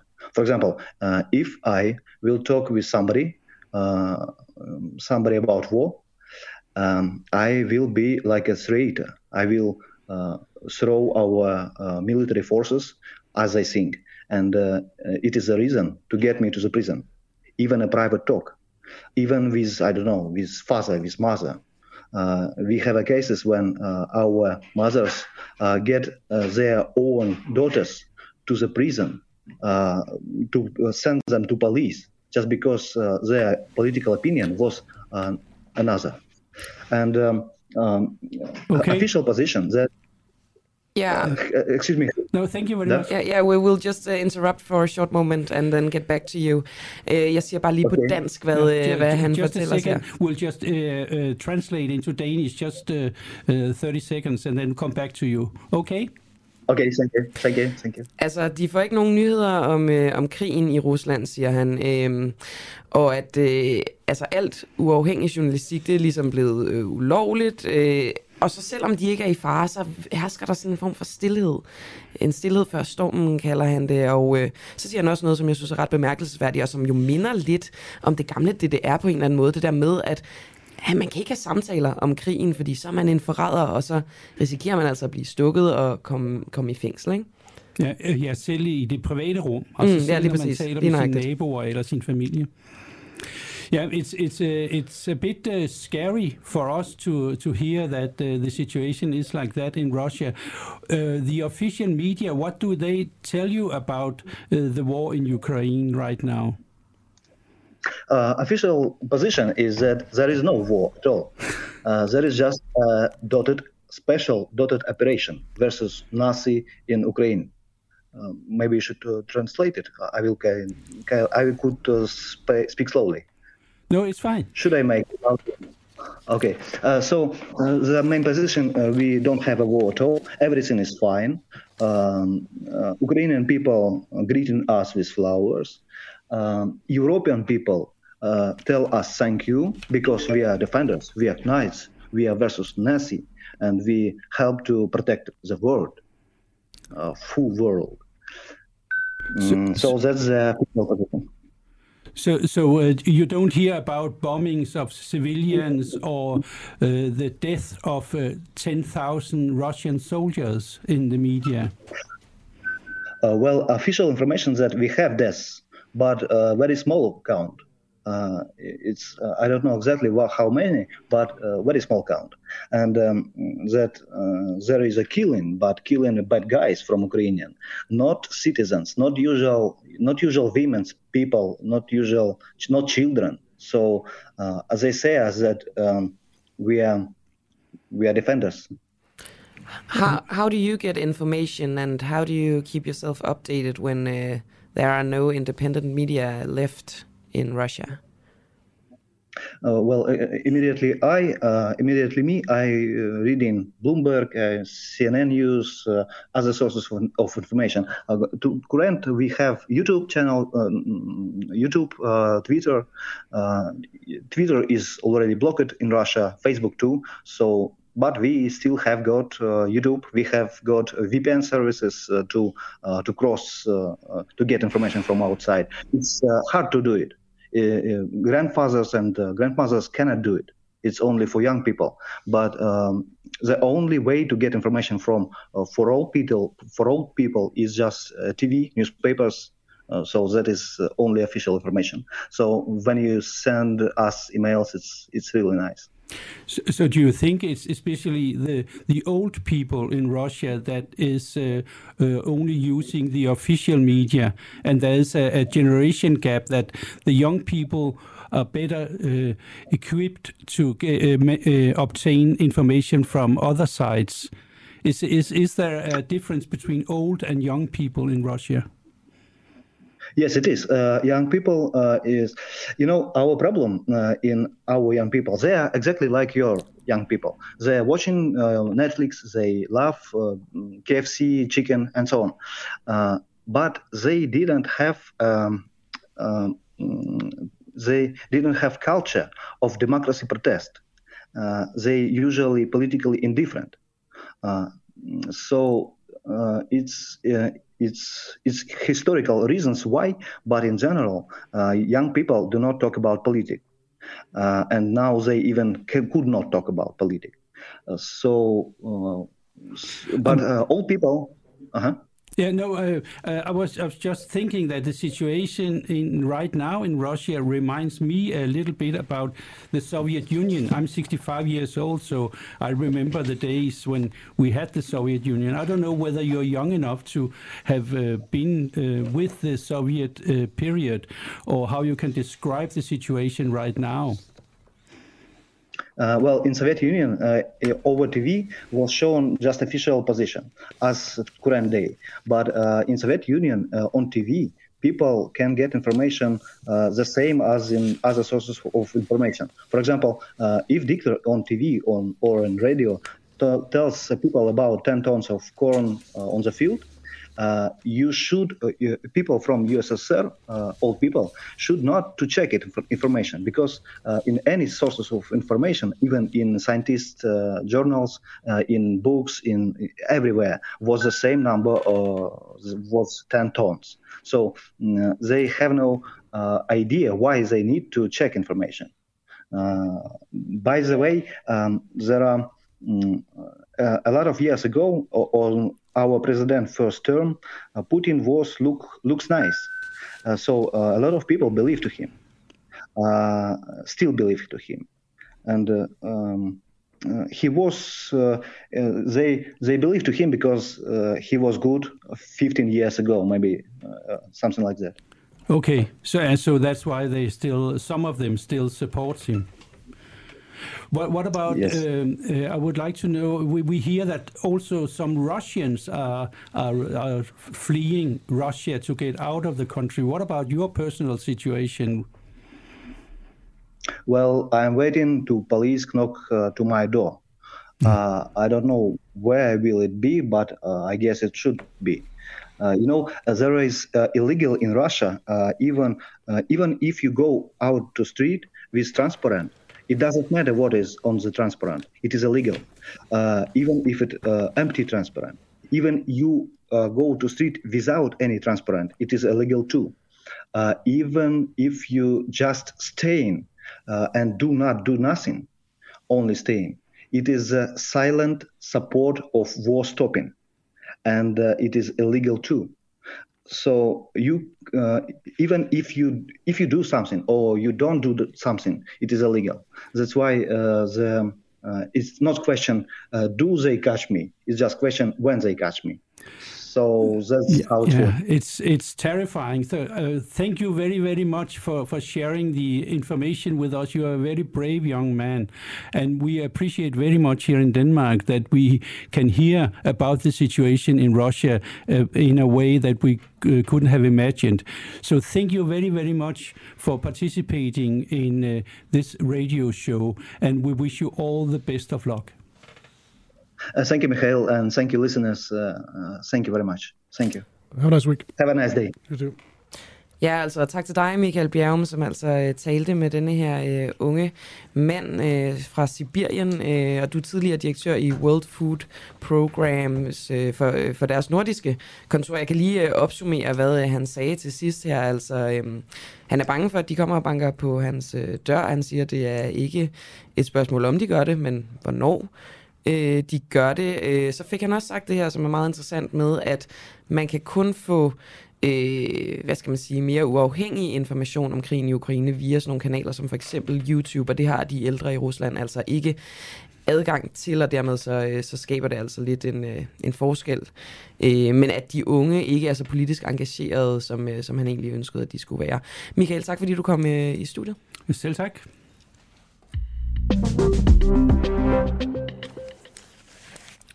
Vi har talt en del om de her øh, danske virksomheder, som fortsat øh, opererer i Rusland eller trækker sig, og hvorvidt de trækker sig nok, og hvor meget skyld vi egentlig skal give dem. Helt den her snak. Og øh, blandt andet så var der jo Jysk, men de er altså efter fire uger med midlertidig lukning nu lukket alle sine butikker i Rusland permanent. Til gengæld så øh, fandt vi jo ligesom ud af, at øh, kæden ligesom har kørt videre med sin forretning i Hvide Rusland, som jo også hjælper med at føre krig i Ukraine. Så det er jo en, det, vi har tænkt os at lave et indslag om nu. Ja, Men. altså øh, føre krig i Ukraine på den russiske side. Ja. Skal man lige understrege. Men der er sket noget nu. Ja. Det er, at vi har fået en mail fra Jysk, så derfor dropper vi en det bånd, jeg havde, vi havde planlagt at sætte på. Skal jeg ikke bare læse den op? Jo. Hej Christoffer. Det er ikke mig, den anden Christoffer. Det er helt lige meget, men der står der. Tak for din mail. Jeg beklager det sene svar, men det er svært at følge med i alle henvendelserne lige nu. Jeg har desværre ikke mulighed for at stille op i morgen, men jeg kan hjælpe med lidt info om Belarus. Og hvis man ikke lige er med på det, så er Hvide Rusland, det hedder sådan mest officielt nu Belarus, hvis man ikke lige er med der. Nå. Jysk i Belarus bliver ikke drevet direkte af Jysk, som det er, skråstreg var, tilfældet med Jysk i Rusland. Og derfor kan vi heller ikke bestemme, om butikkerne i Belarus skal lukkes, da den beslutning ligger hos franchise-tageren. Jeg har nu været i kontakt med ham, og han har oplyst, at også butikkerne i Belarus lukker for al aktivitet. I første omgang er der tale om en midlertidig lukning. Jeg håber, at ovenstående skaber lidt mere klarhed. Rigtig god aften med venlig hilsen. Rune Jungberg Pedersen, som er Communications og CSR Director for Jysk. Spændende. Øh, og, og det, der er spændende øh, med det, er vel også, nu er det en midlertidig lukning. Så spørgsmålet om ham her, franchise-træeren, han vil følge i fodsporene på, på resten af Jysk det, de har gjort i Rusland, og simpelthen lukke permanent. Ja. Camilla, jeg ved, altså vi har jo det indslag på lige om et øjeblik, men jeg tænker lidt, vi kan måske ringe til, øh, jeg skal lige kigge min tekniker ud, ringe til Peter, Peter Marstal, han vi ikke talt med i dag. Ah ja. Han er god kollega her på programmet, og så er han øh, vært sammen med sin bror Morten på det program, der hedder Snyd og, og Bedrag, som kan høres her, øh, efter vi er færdige klokken 9. Klokken er blevet, øh, hvad er den blevet? Den er blevet 8.37, som ikke så længe. Og det er det her program, der hedder Snyd og Bedrag. Og øh, jeg kigger egentlig bare lige ud på produceren og ser, om han kan få ham ringet op. Jeg kan lige prøve at tænde på telefonen og se, om det, om det virker. Camilla, snyd og bedrag, hvis du lige skal sætte nogle ord på det program. Jamen, jeg, jeg er rasende på det program, fordi at øh, Peter Marstal, han snød mig, øh, da han øh, lovede mig en øh, Dyson eller lovede, at man kunne vinde en Dyson støvsuger. Ja, og det måske passer meget godt til det her program, fordi det hedder snyd og bedrag. Og det er simpelthen også bare, de inviterer folk ind, som måske er gode til at... Er du med nu på telefon? Ja, jeg er med. Jamen, så er det dumt, jeg sidder og prøver at beskrive programmet for lytterne, når, øh, du, når du selv kan gøre det. Det kan jeg da. Vil du Vil ikke I lige- høre om øh, dagens afsnit? Ja, tak. Ja. Ja. Vi skal øh, høre fra Mikkel Gudsø. Han er ekspert i forhandlinger, og øh, vil gerne fortælle, hvordan man kan bruge løgnen og kropssproget til at ligesom få, hvad man vil have i en forhandling. Okay. okay. Så det er sådan kort skåret. Øh, skåret. Og det er, jo så, det er jo så et afsnit. Hvad, øhm, hvad, hvad går ja. altså, snakker vi snyd og bedrag i alle afskygninger? Kan du ikke lige give eksempler på, hvad I Jo. ellers har, øh, har Altså dagens afsnit er det første, der ikke omhandler noget kriminelt. Det er sådan ok legitimt, det der handler om. Men øh, alle de andre gange har det været en, der fortæller, hvordan han sælger stoffer på nettet og slipper afsted med det, og en, der lever lidt under jorden for at undgå at betale skat, og en, der skriver andre folks opgaver for at tjene penge på det selv, øh, og, Og så- tjene rigtig gode penge på det. Og så er der jo sikkert nogen, der sidder derude og tænker, hvorfor skal de personer egentlig have taletid i radioen? Hvad er tankerne bag? Jamen, det er både det der med, sådan, så kan man jo, altså hvis man snakker med snyderne selv, så er det vel den bedste adgang til at, ligesom at se, hvor smuthullerne i samfundet er. I alle mulige forskellige former. Øh, så er det bare pisse interessant, altså, at høre, hvordan folk har fundet de her smuthuller, hvad de gør. Og øh, Peter Marstal, det ligger så faktisk lidt op af det afsnit, I har i dag, om, øh, det var om lønforhandling, ikke? hvordan man ligesom kunne øh, bruge kropssprog og, og, jo, blandt andet, og ja. lidt løgne til, øh, i, en, i en forhandlingssituation. Øh, jeg fik engang i gave en, øh, en bog, der hed Spillet, om øh, karaktererne. Det synes jeg også, jeg skal lave et afsnit om, fordi der var virkelig, virkelig sådan øh, detaljerede beskrivelser af, hvordan man øh, i gymnasiet kunne, altså i skolen generelt, kunne, øh, kunne manipulere lærerne til at give en højere karakter. Det er sjovt. Jeg tror, ham, der, der skrev de opgaver, han selv nævnte den her bog, og havde lært meget af den også. Ja. Men det kan, det kan være, at der er nogle guldkorn, vi ikke har fået med endnu. Nå, Ja. I kommer med et nyt afsnit i dag. Ja, og inden I slipper mig, så vil jeg så gerne lige øh, komme med en klar opfordring til, at folk lige går ind på Facebook-siden Snyd og Bedrag og sender snydetips ind til os. Altså, det kan være hvad som helst. Ja. Øh, og hvis I ikke overgår, så bare tænk på, at der er så en fed præmie på højkant hver ja. uge. Og i den her uge er det et gavekort til en prøvekørsel med sådan en Ferrari-bil. Okay. Øh, og jeg vil bare allerede afsløre nu, at der var den person, der vandt den her prøvekørsel. Han havde ikke nogen konkurrent. Der var ikke andre, der skrev ind end ham.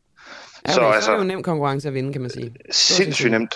Øh, så skriv ind til os, så læser vi det op, eller ringer det til er dig. både og hører på. Jylland, Fyn og Sjælland, man kan få en prøvekørsel.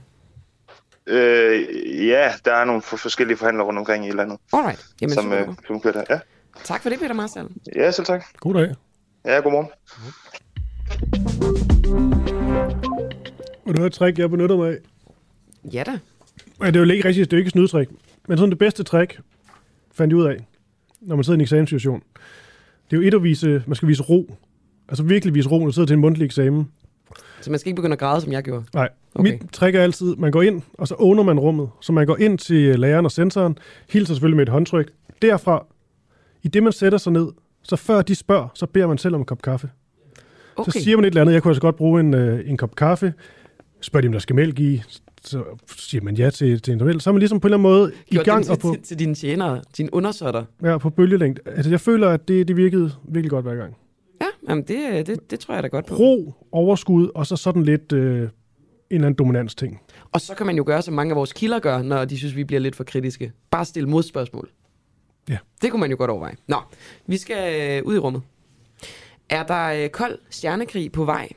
Fordi øh, krigen i Ukraine har skabt altså temmelig, temmelig kold luft imellem verdens øh, magter, og det er jo øh, blandt andet Rusland og, øh, og USA, og det er derfor, øh, vi har valgt at kalde det kold stjernekrig, for det minder jo unægteligt øh, om altså den kolde krig. Vi, vi har jo nogle rumsamarbejder, forskellige rumsamarbejder, øh, hvor vi arbejder sammen med russerne, og spørgsmålet er så om, altså man, dels kan man presse dem, kan de presse os, vil de trække sig ud af samarbejdet, alt det der skal vi spørge øh, Helle og Henrik øh, Stup, som er kantskenter fra øh, Københavns Universitet om. De er sådan øh, vores favorit rumeksperter her på øh, Den Uafhængige. Og øh, en af de meget vigtige begivenheder, øh, som er sket ude i rummet, det er, at øh, vi venter på et stærkt svar fra Vesten på, om Roskosmos, den øh, føderale russiske rumfartsorganisation, nu har afbrudt samarbejdet, så vi ikke længere kan få opsendt satellitter med øh, den russiske Soyuz-raket. Så kan vi altså ikke længere få satellitter op i rummet. Måske. Ja, lad os nu se. Ja, ja. Jo, jo. Men jeg kan godt lide at være dramatisk, ikke? Mm. Nå. Øh, Skal du ikke sige godmorgen til Ja, jo, gæsten? jo, men det skal jeg da. Jeg skulle bare lige være sikker på, at I var med. Helle og Henrik, Jamen, øh, ja, jamen, vi, vi sidder og lytter til jer i stedet for. Lige du gode, så jamen, jeg vil hellere have, at I snakker, end at, øh, at jeg snakker. Så jeg kan starte med at spørge jer, hvordan, øh, hvordan påvirker krigen i Ukraine rummet? Jamen, det er, det er simpelthen en fortsættelse af den sanktionspolitik, øh, Vesten har ført over for Rusland øh, siden invasionen. Altså, øh, vi vil ikke samarbejde med russerne, og russerne de vil så til gengæld heller ikke samarbejde med os. Mm. Men det, er jo- det er hverken mere eller mindre. Altså, jeg kan sige, at der er, der er store ting, og der er små ting, der er sket. Ja, for eksempel har Tyskland afbrudt Røntgen-teleskop. Øh, det er opsat opsat med russerne, fordi det vil ikke, de vil ikke samarbejde med russerne længere. Det, er- det er sanktionspolitikken. Der er en Mars-rejse, i Europa skulle gennemført sammen med øh, Rusland, som ESA også har trukket sig ud af. ESA, det europæiske rumagentur. Øh, og øh, sådan er det hele vejen igennem. Vi kan ikke bruge de russiske sojusraketter, men der har russerne altså skudt sig selv i foden, hvor der er sket noget interessant. Ja. Øh, øh, se, øh, den russiske sojusraket er en meget anvendt og øvrigt øh, en ganske udmærket og prisbillig raket, og derfor har vi anvendt den også i Vesten. Som man og vi, sender og, øh, øhm, satellitter op med. Bare lige for der sendes lidt op med, ja. Og det er ganske almindeligt det her før invasionen i Ukraine, at vi samarbejdede på den måde med krypto og sin anden. Det var ikke, det er ikke spor ualmindeligt. Men øh, øh, så fandt jo øh, Rogozin, som er leder, den meget bramfri leder af, af Roskosmos, ud af, at øh, når vi, det vil han altså ikke finde sig i, at vi, folk, at vi, ikke samarbejder med dem, så trækker han alle sine sovsraketter ud af samarbejdet. Ja. Og så skulle vi jo stå med bordet i postkassen. Men det gjorde vi bare ikke. Og der er en mand, vi kan takke for det. Så en af de helt store kontrakter, øh, som øh, øh, Roskosmos havde med Vesten, det var opsættelse af nogle internetsatellitter fra et firma, der hedder OneWeb. Det er sådan, der kan øh, transmittere internet øh, over hele verden. Øh, og øh, de skulle opsætte en kontrakt med russerne om, så den opsætte med Soyuz. Det kunne pludselig ikke lade sig gøre. Og så min sanden om ikke Elon Musk og alle fra SpaceX. Jamen, jeg ja, netop ham, ja. Øhm, han øh, træder frem og siger, selvom vi har vores egne internetsatellitter og konkurrerer med jer, så vil vi godt sælge opsættelser til jer med vores øh, Falcon 9-raket, som er der billigere mm-hmm. og bedre og mere moderne. Så det eneste, der er sket der med, at Rusland trukket sig ud, det er, at Elon Musk faktisk har bragt øh, Falcon, givet 9 en vældig god start. Så det er ikke rigtigt, at, vi kan, at de kan ikke blokere for os. Vi kan godt selv. Det er klart, der er en omstillingstid, der tager, der, der, det er ikke den lige nemt at gøre fra, fra, en dag til en anden, ligesom gasleverance. Ikke? Hvis Rusland lukker for gassen i dag, så har vi et problem i morgen. Altså, det, men med, med, med ret kort varsel, der kan vi jo altså godt øh, omstille os. Og for resten af Elon Musk gjort en anden ting, der er mindst lige så vigtig. Mm-hmm. Øh, og det er, at han har givet adgang til Ukraine om at anvende sine Starlink-satellitter til internettransmission. Og en af de måder, som Ukraine og det er blandt Zelensky kan kommunikere med omverdenen på, det er via Starlink. Der er, og så har han sendt en række øh, terminaler, der kan bruges fra jorden, man kan bruge til Starlink, og dem kan russerne ikke øh, gøre noget som helst ved. Så det er jo altså, der, der er en mand her, har haft en stor indflydelse på det. Det er faktisk Elon Musk, der både sælger Falcon 9-raketter til OneWeb, som vi har hos konkurrenter, og samtidig leverer Starlink-forbindelser. Og, og de, de der Starlink-forbindelser, øh, hvad gør de helt konkret? Øhm, altså, at Zelensky kan kommunikere, eller har jeg forstået det korrekt? Og helt konkret, der ved jeg det ikke præcist. Okay. Øh, fordi de, de, siger, de siger ikke så færdigt meget om det, men det er nogen, der gør det muligt for dem at kommunikere via internettet øh, med hele verden. Okay. Men præcis hvordan det foregår, det ved jeg simpelthen ikke. Okay, men så bare lige for at være helt klar og, øh, på menneskesprog og så videre. Altså Elon Musk har sørget for, at vi stadig kan sende satellitter op i rummet, og han har også sørget for en eller anden form for øh, internetkommunikation fra, øh, fra folk, der er i Ukraine. Er det korrekt forstået? Ja, det er korrekt forstået. Så vi har simpelthen meget at takke ham for i virkeligheden.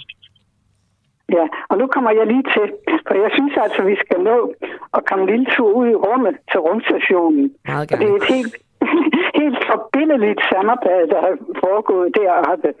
Øhm, den tidligere uh, chef, som kom ned på jorden i onsdags, Skab Lerov, han har udtalt sig således, altså de folk på jorden har problemer, men her ombord på rumstationen arbejder vi hårdt som et hold, og vi har ingen problemer.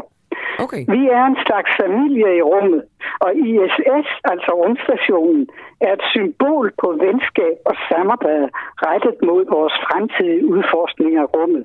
Sådan. Og øh, det, øh, det er jo så også fremhævet, øh, kan vi sige, det der sammenhold, da det nye hold astronauter og kosmonauter kom op. Øh, da de trådte ombord på ISS, så viste det sig, at de havde de her blændende gule øh, dragter på, øh, med blå emblemer på. Det, det, er sådan, det var jo lidt usædvanligt. Og da man så spurgte, hvorfor I dog set sådan på? Åh jo, de havde sådan et overskud af gul stof på fabrikken øh, lige nu. Så øh, de tager det, altså det er som om, de har en musketered mellem sig. De er gode venner. De mm. har interesse i at få rummet til at få deres opgaver på rumstationen til at fungere. Så altså, øh, man hørte på et tidspunkt sådan noget spekulation om, om der blev holdt gisler deroppe. Det er der så ikke noget på. Overhovedet ingen tale om. Vi var lidt spændte. I onsdags, der skulle der være udskiftning, og en amerikaner og to russere, og deriblandt Skatlever, chefen der, de øh, skulle lande i Kazakhstan. Øh, men der var ingen problemer. Både Roskosmos og NASA, NASA var til stede, og øh, hjemkomsten gik nøjagtigt, som den skulle. Øh, der er en lille øh, sjov ting, jeg kan gerne nå at nævne. Ja. Det er jo den, den her farverige lærer Rogosin. Han havde kort for inden, altså da uenigheden var udbrudt, øh, lavet sådan en rigtig propagandafilm, øh, som foregår ude i rummet. Og der ser man den ene russer efter den anden forlade en sluse på ISS, og så øh, øh, på en lidt senere scene, der ser man simpelthen, øh, hvor russerne med alle deres moduler forlader den internationale rumstation. Og i baggrunden så ser man så resterne af rumstationen, og det, øh, det ser ud som, der bare sidder nogle solpaneler tilbage, hvilket er en grov underdrivelse for øh, i virkeligheden er det største modul ombord på ISS, det er faktisk japansk, og så meget fylder russernes moduler altså heller ikke. Okay. Men Rogozin vil gerne udstille det sådan. Så, så de laver simpelthen også rumpropaganda i virkeligheden? Jamen, det, det var rumpropaganda. Den, den øh, sidder på nettet nu, og man kan se, at det ser simpelthen latterligt ud. så på den ja. måde, så kan man godt sige, at der foregår en form for kold stjernekrig, om end at øh, astronauterne op på ISS, de altså er så professionelle, at der er ingen slinger i valsen der. Jamen, øh, de spiller ikke med. Øh, den der polemik, den foregår jo altså provokeret samtidig af Rogosin, men her på jorden. Ikke? De har et enestående holdsamarbejde. De betegner sig som en flok øh, brødre og søstre i rummet. Så øh, det er ikke på den front. Det er godt at høre uh, Helle Stub og uh, også din mand Henrik, som uh, vi talte med lige først. Tak fordi I var med. Ja selv. Tak. Og rigtig god dag. Ja, tak. Hej. Hej.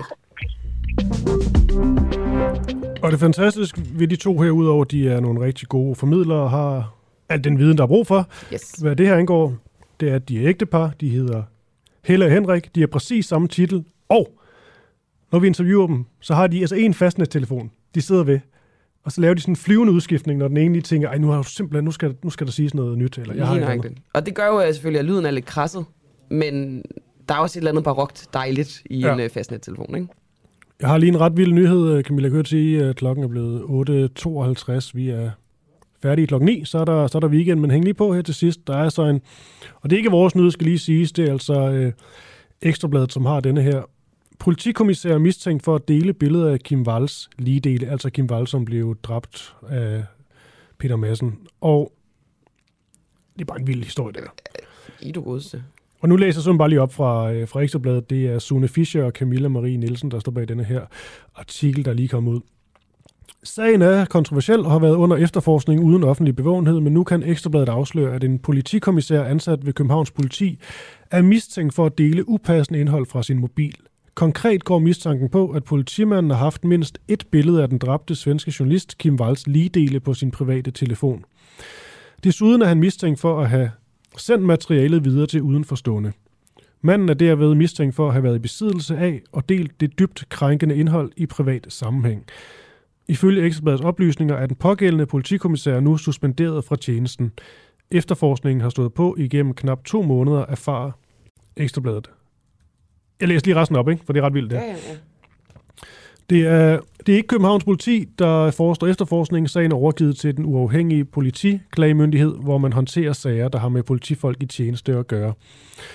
Jeg kan bekræfte, at politiklagemyndigheden efterforsker en sådan sag. Da sagen under efterforskning har ikke yderligere oplysninger med hensyn til politi tjenestemandens stillingsbetegnelse, og, og om den pågældende er suspenderet, må jeg henvise dig til Københavns politi.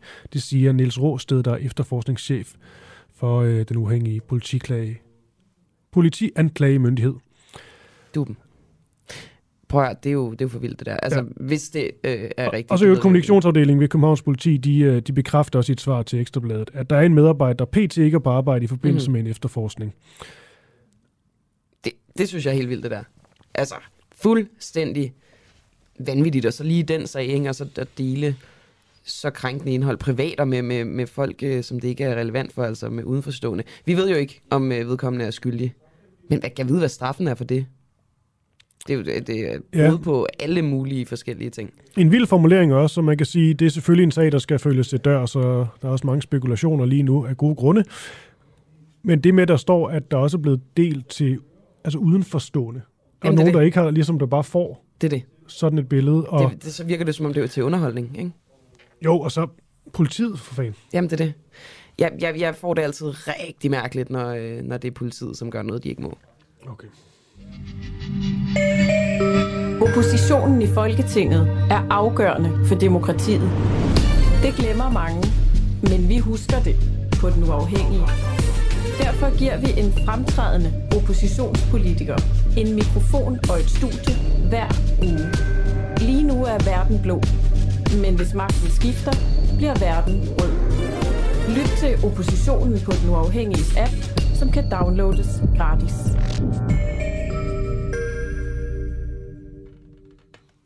Vi har lige godt fem minutter tilbage af morgens øh, udsendelse, Kristoffer, som har øh, været ret fredagsagtigt, ikke? Det har handlet om alt fra orgasmer og så til øh, den udviste øh, kvinde, den udviste iranske kvinde, den her video, der har floreret, og om kold krig i rummet.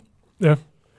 Og så til det her, øh, det her store, øh, den her store breaking ting, vi havde fra starten af, af morgenen med, at vi ligesom er blevet, øh, blevet, øh, blevet, blevet opkøbt af en investor, som så også har valgt at være tage fuldt ejerskab over den uafhængige, men siger, at vi stadigvæk er uafhængige. Jeg skifter ikke navn, det er altså Claus Riskær Pedersen, som har smidt et større millionbeløb ind i det her.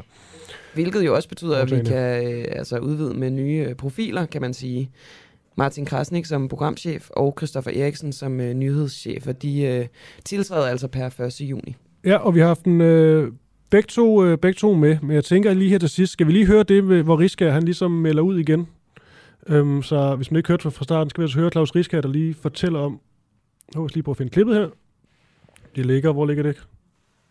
Det ligger inde på, øh, på Carsten, skulle det gerne, medmindre nu, det er blevet fjernet. Nu har jeg fundet det. Det er så den nye ejer, den uafhængige Claus Riskær Pedersen. Claus Riskær Pedersen, det her det er jo en stor dag for den, øh, den uafhængige. Vi har fået dig ind som, øh, som investor, faktisk øh, ejer af den, den uafhængige. Så ja, velkommen på holdet. Jamen altså, tak skal du have. Og jeg må sige til dig, at det tog ikke lang tid at træffe en afgørelse. Asger Jul og jeg kender hinanden fra Radio 24 år. Jeg var inde og var radiovært jo. Mm. Øh, og arbejdede sammen med Asger. Og med, med det hold, der kommer også med Christoffer Eriksen inde, som jeg også kender godt, så var det ikke svært. Jeg kender ikke Martin, men det er jo noget, der styrker det her, og det var ikke svært for mig, da øh, jeg fik henvendelsen og øh, skulle og ligesom give det her tilskud mm. til, at et så vigtigt projekt kunne, øh, kunne nå øh, i mål. Ja, det er jo... Øh det er jo ikke for forkert at sige, at det er to store profiler, der allerede ligesom er startet og ligesom starter det her, det her op. Hvad altså, øh, hvor store er ambitionerne? Jamen, altså, ambitionen er jo, at vi jo specielt med, hvad vi har set herhjemme på det seneste i relation til corona, og også med hele krigssituationen, der er det jo blevet mere og mere klart, hvor ekstremt vigtigt det er, at vi har en fuldstændig øh, uafhængig presse, så vi altid kan forholde os kritisk til øh, den nyhedsflade, der er, og stille de rigtige spørgsmål. Der er jo meget nyhedsdækning, som bliver meget automatisk og kører meget på autopilot, og der, allerede der er man jo kommet ekstremt langt ved den uafhængige, og jeg har fulgt det hele vejen igennem, og jeg synes, der har været, jeg har været nogle stolt af det produkt, der er blevet lavet, og jeg synes, de er dygtige folk derinde. Og jeg har jo slet ikke tvivl om, de, dem, der står bag det her, deres, øh, det er folk, der har ryggrad Altså folk, der mm står op for noget, og jeg er meget, meget stolt af at være blevet inviteret med. Øh, de millioner, der skal ind i det, det er jo sådan set små ting i forhold til, hvad vi kan opnå. Jeg synes, det er ekstremt vigtigt, at vi holder os uafhængige, vi ikke bliver rodet ind i mediestøtte og alt det der rykker mig. Øh, men at man ved, at hos os, der får man altså øh, rent ord for pengene. Til de lyttere, Claus Risker, som er bange for, at den uafhængige ikke længere er uafhængig, nu hvor du er kommet, kommet ind med, med dine, dine penge og din øh, viden og kunde og alt det her. Hvad vil du sige til dem? Jamen, jeg er på distance af det, og jeg har aldrig blandet mig en redaktionel linje, heller ikke når Kanal 2, hvor vi havde tv-nyheder øh, kørende og for radiofronten, så jeg har aldrig blandet de ting sammen. Jeg mener ikke, at man som publisher har ret til at gribe pinden eller mikrofonen, fordi man har en særlig indgang. Når man, øh, når man investerer i det her, så er der noget, man gør øh, con amore. Det er, det er, jeg er ved at komme op i årene nu. Det er jo ikke et forretningsprojekt, det her. Det her det er, et, det er en skærv, der bliver smidt ind i, mm. i bøtten i den rigtige ende af vægtskålen. Claus Riske Pedersen her, vi cutter lige interviewet lidt før, for vi skal til at øh, lukke ned. Og vi kan jo sige, at vores ur i øh, studiet er gået, så vi er ikke engang om, at klokken helt præcis der. Men vi er, tæt, vi er tæt på klokken 9, så nu gør vi bare sådan her. Yes. Jeg ved ikke, om vi stadig er på. Men altså, vi kan sige, at uh, du hedder Christoffer Lind, og jeg hedder Camilla Boraki. I regien var Oliver Nobenau, og det her program er blevet sat sammen af redaktør Peter Svarts Nielsen. God, god weekend. God weekend.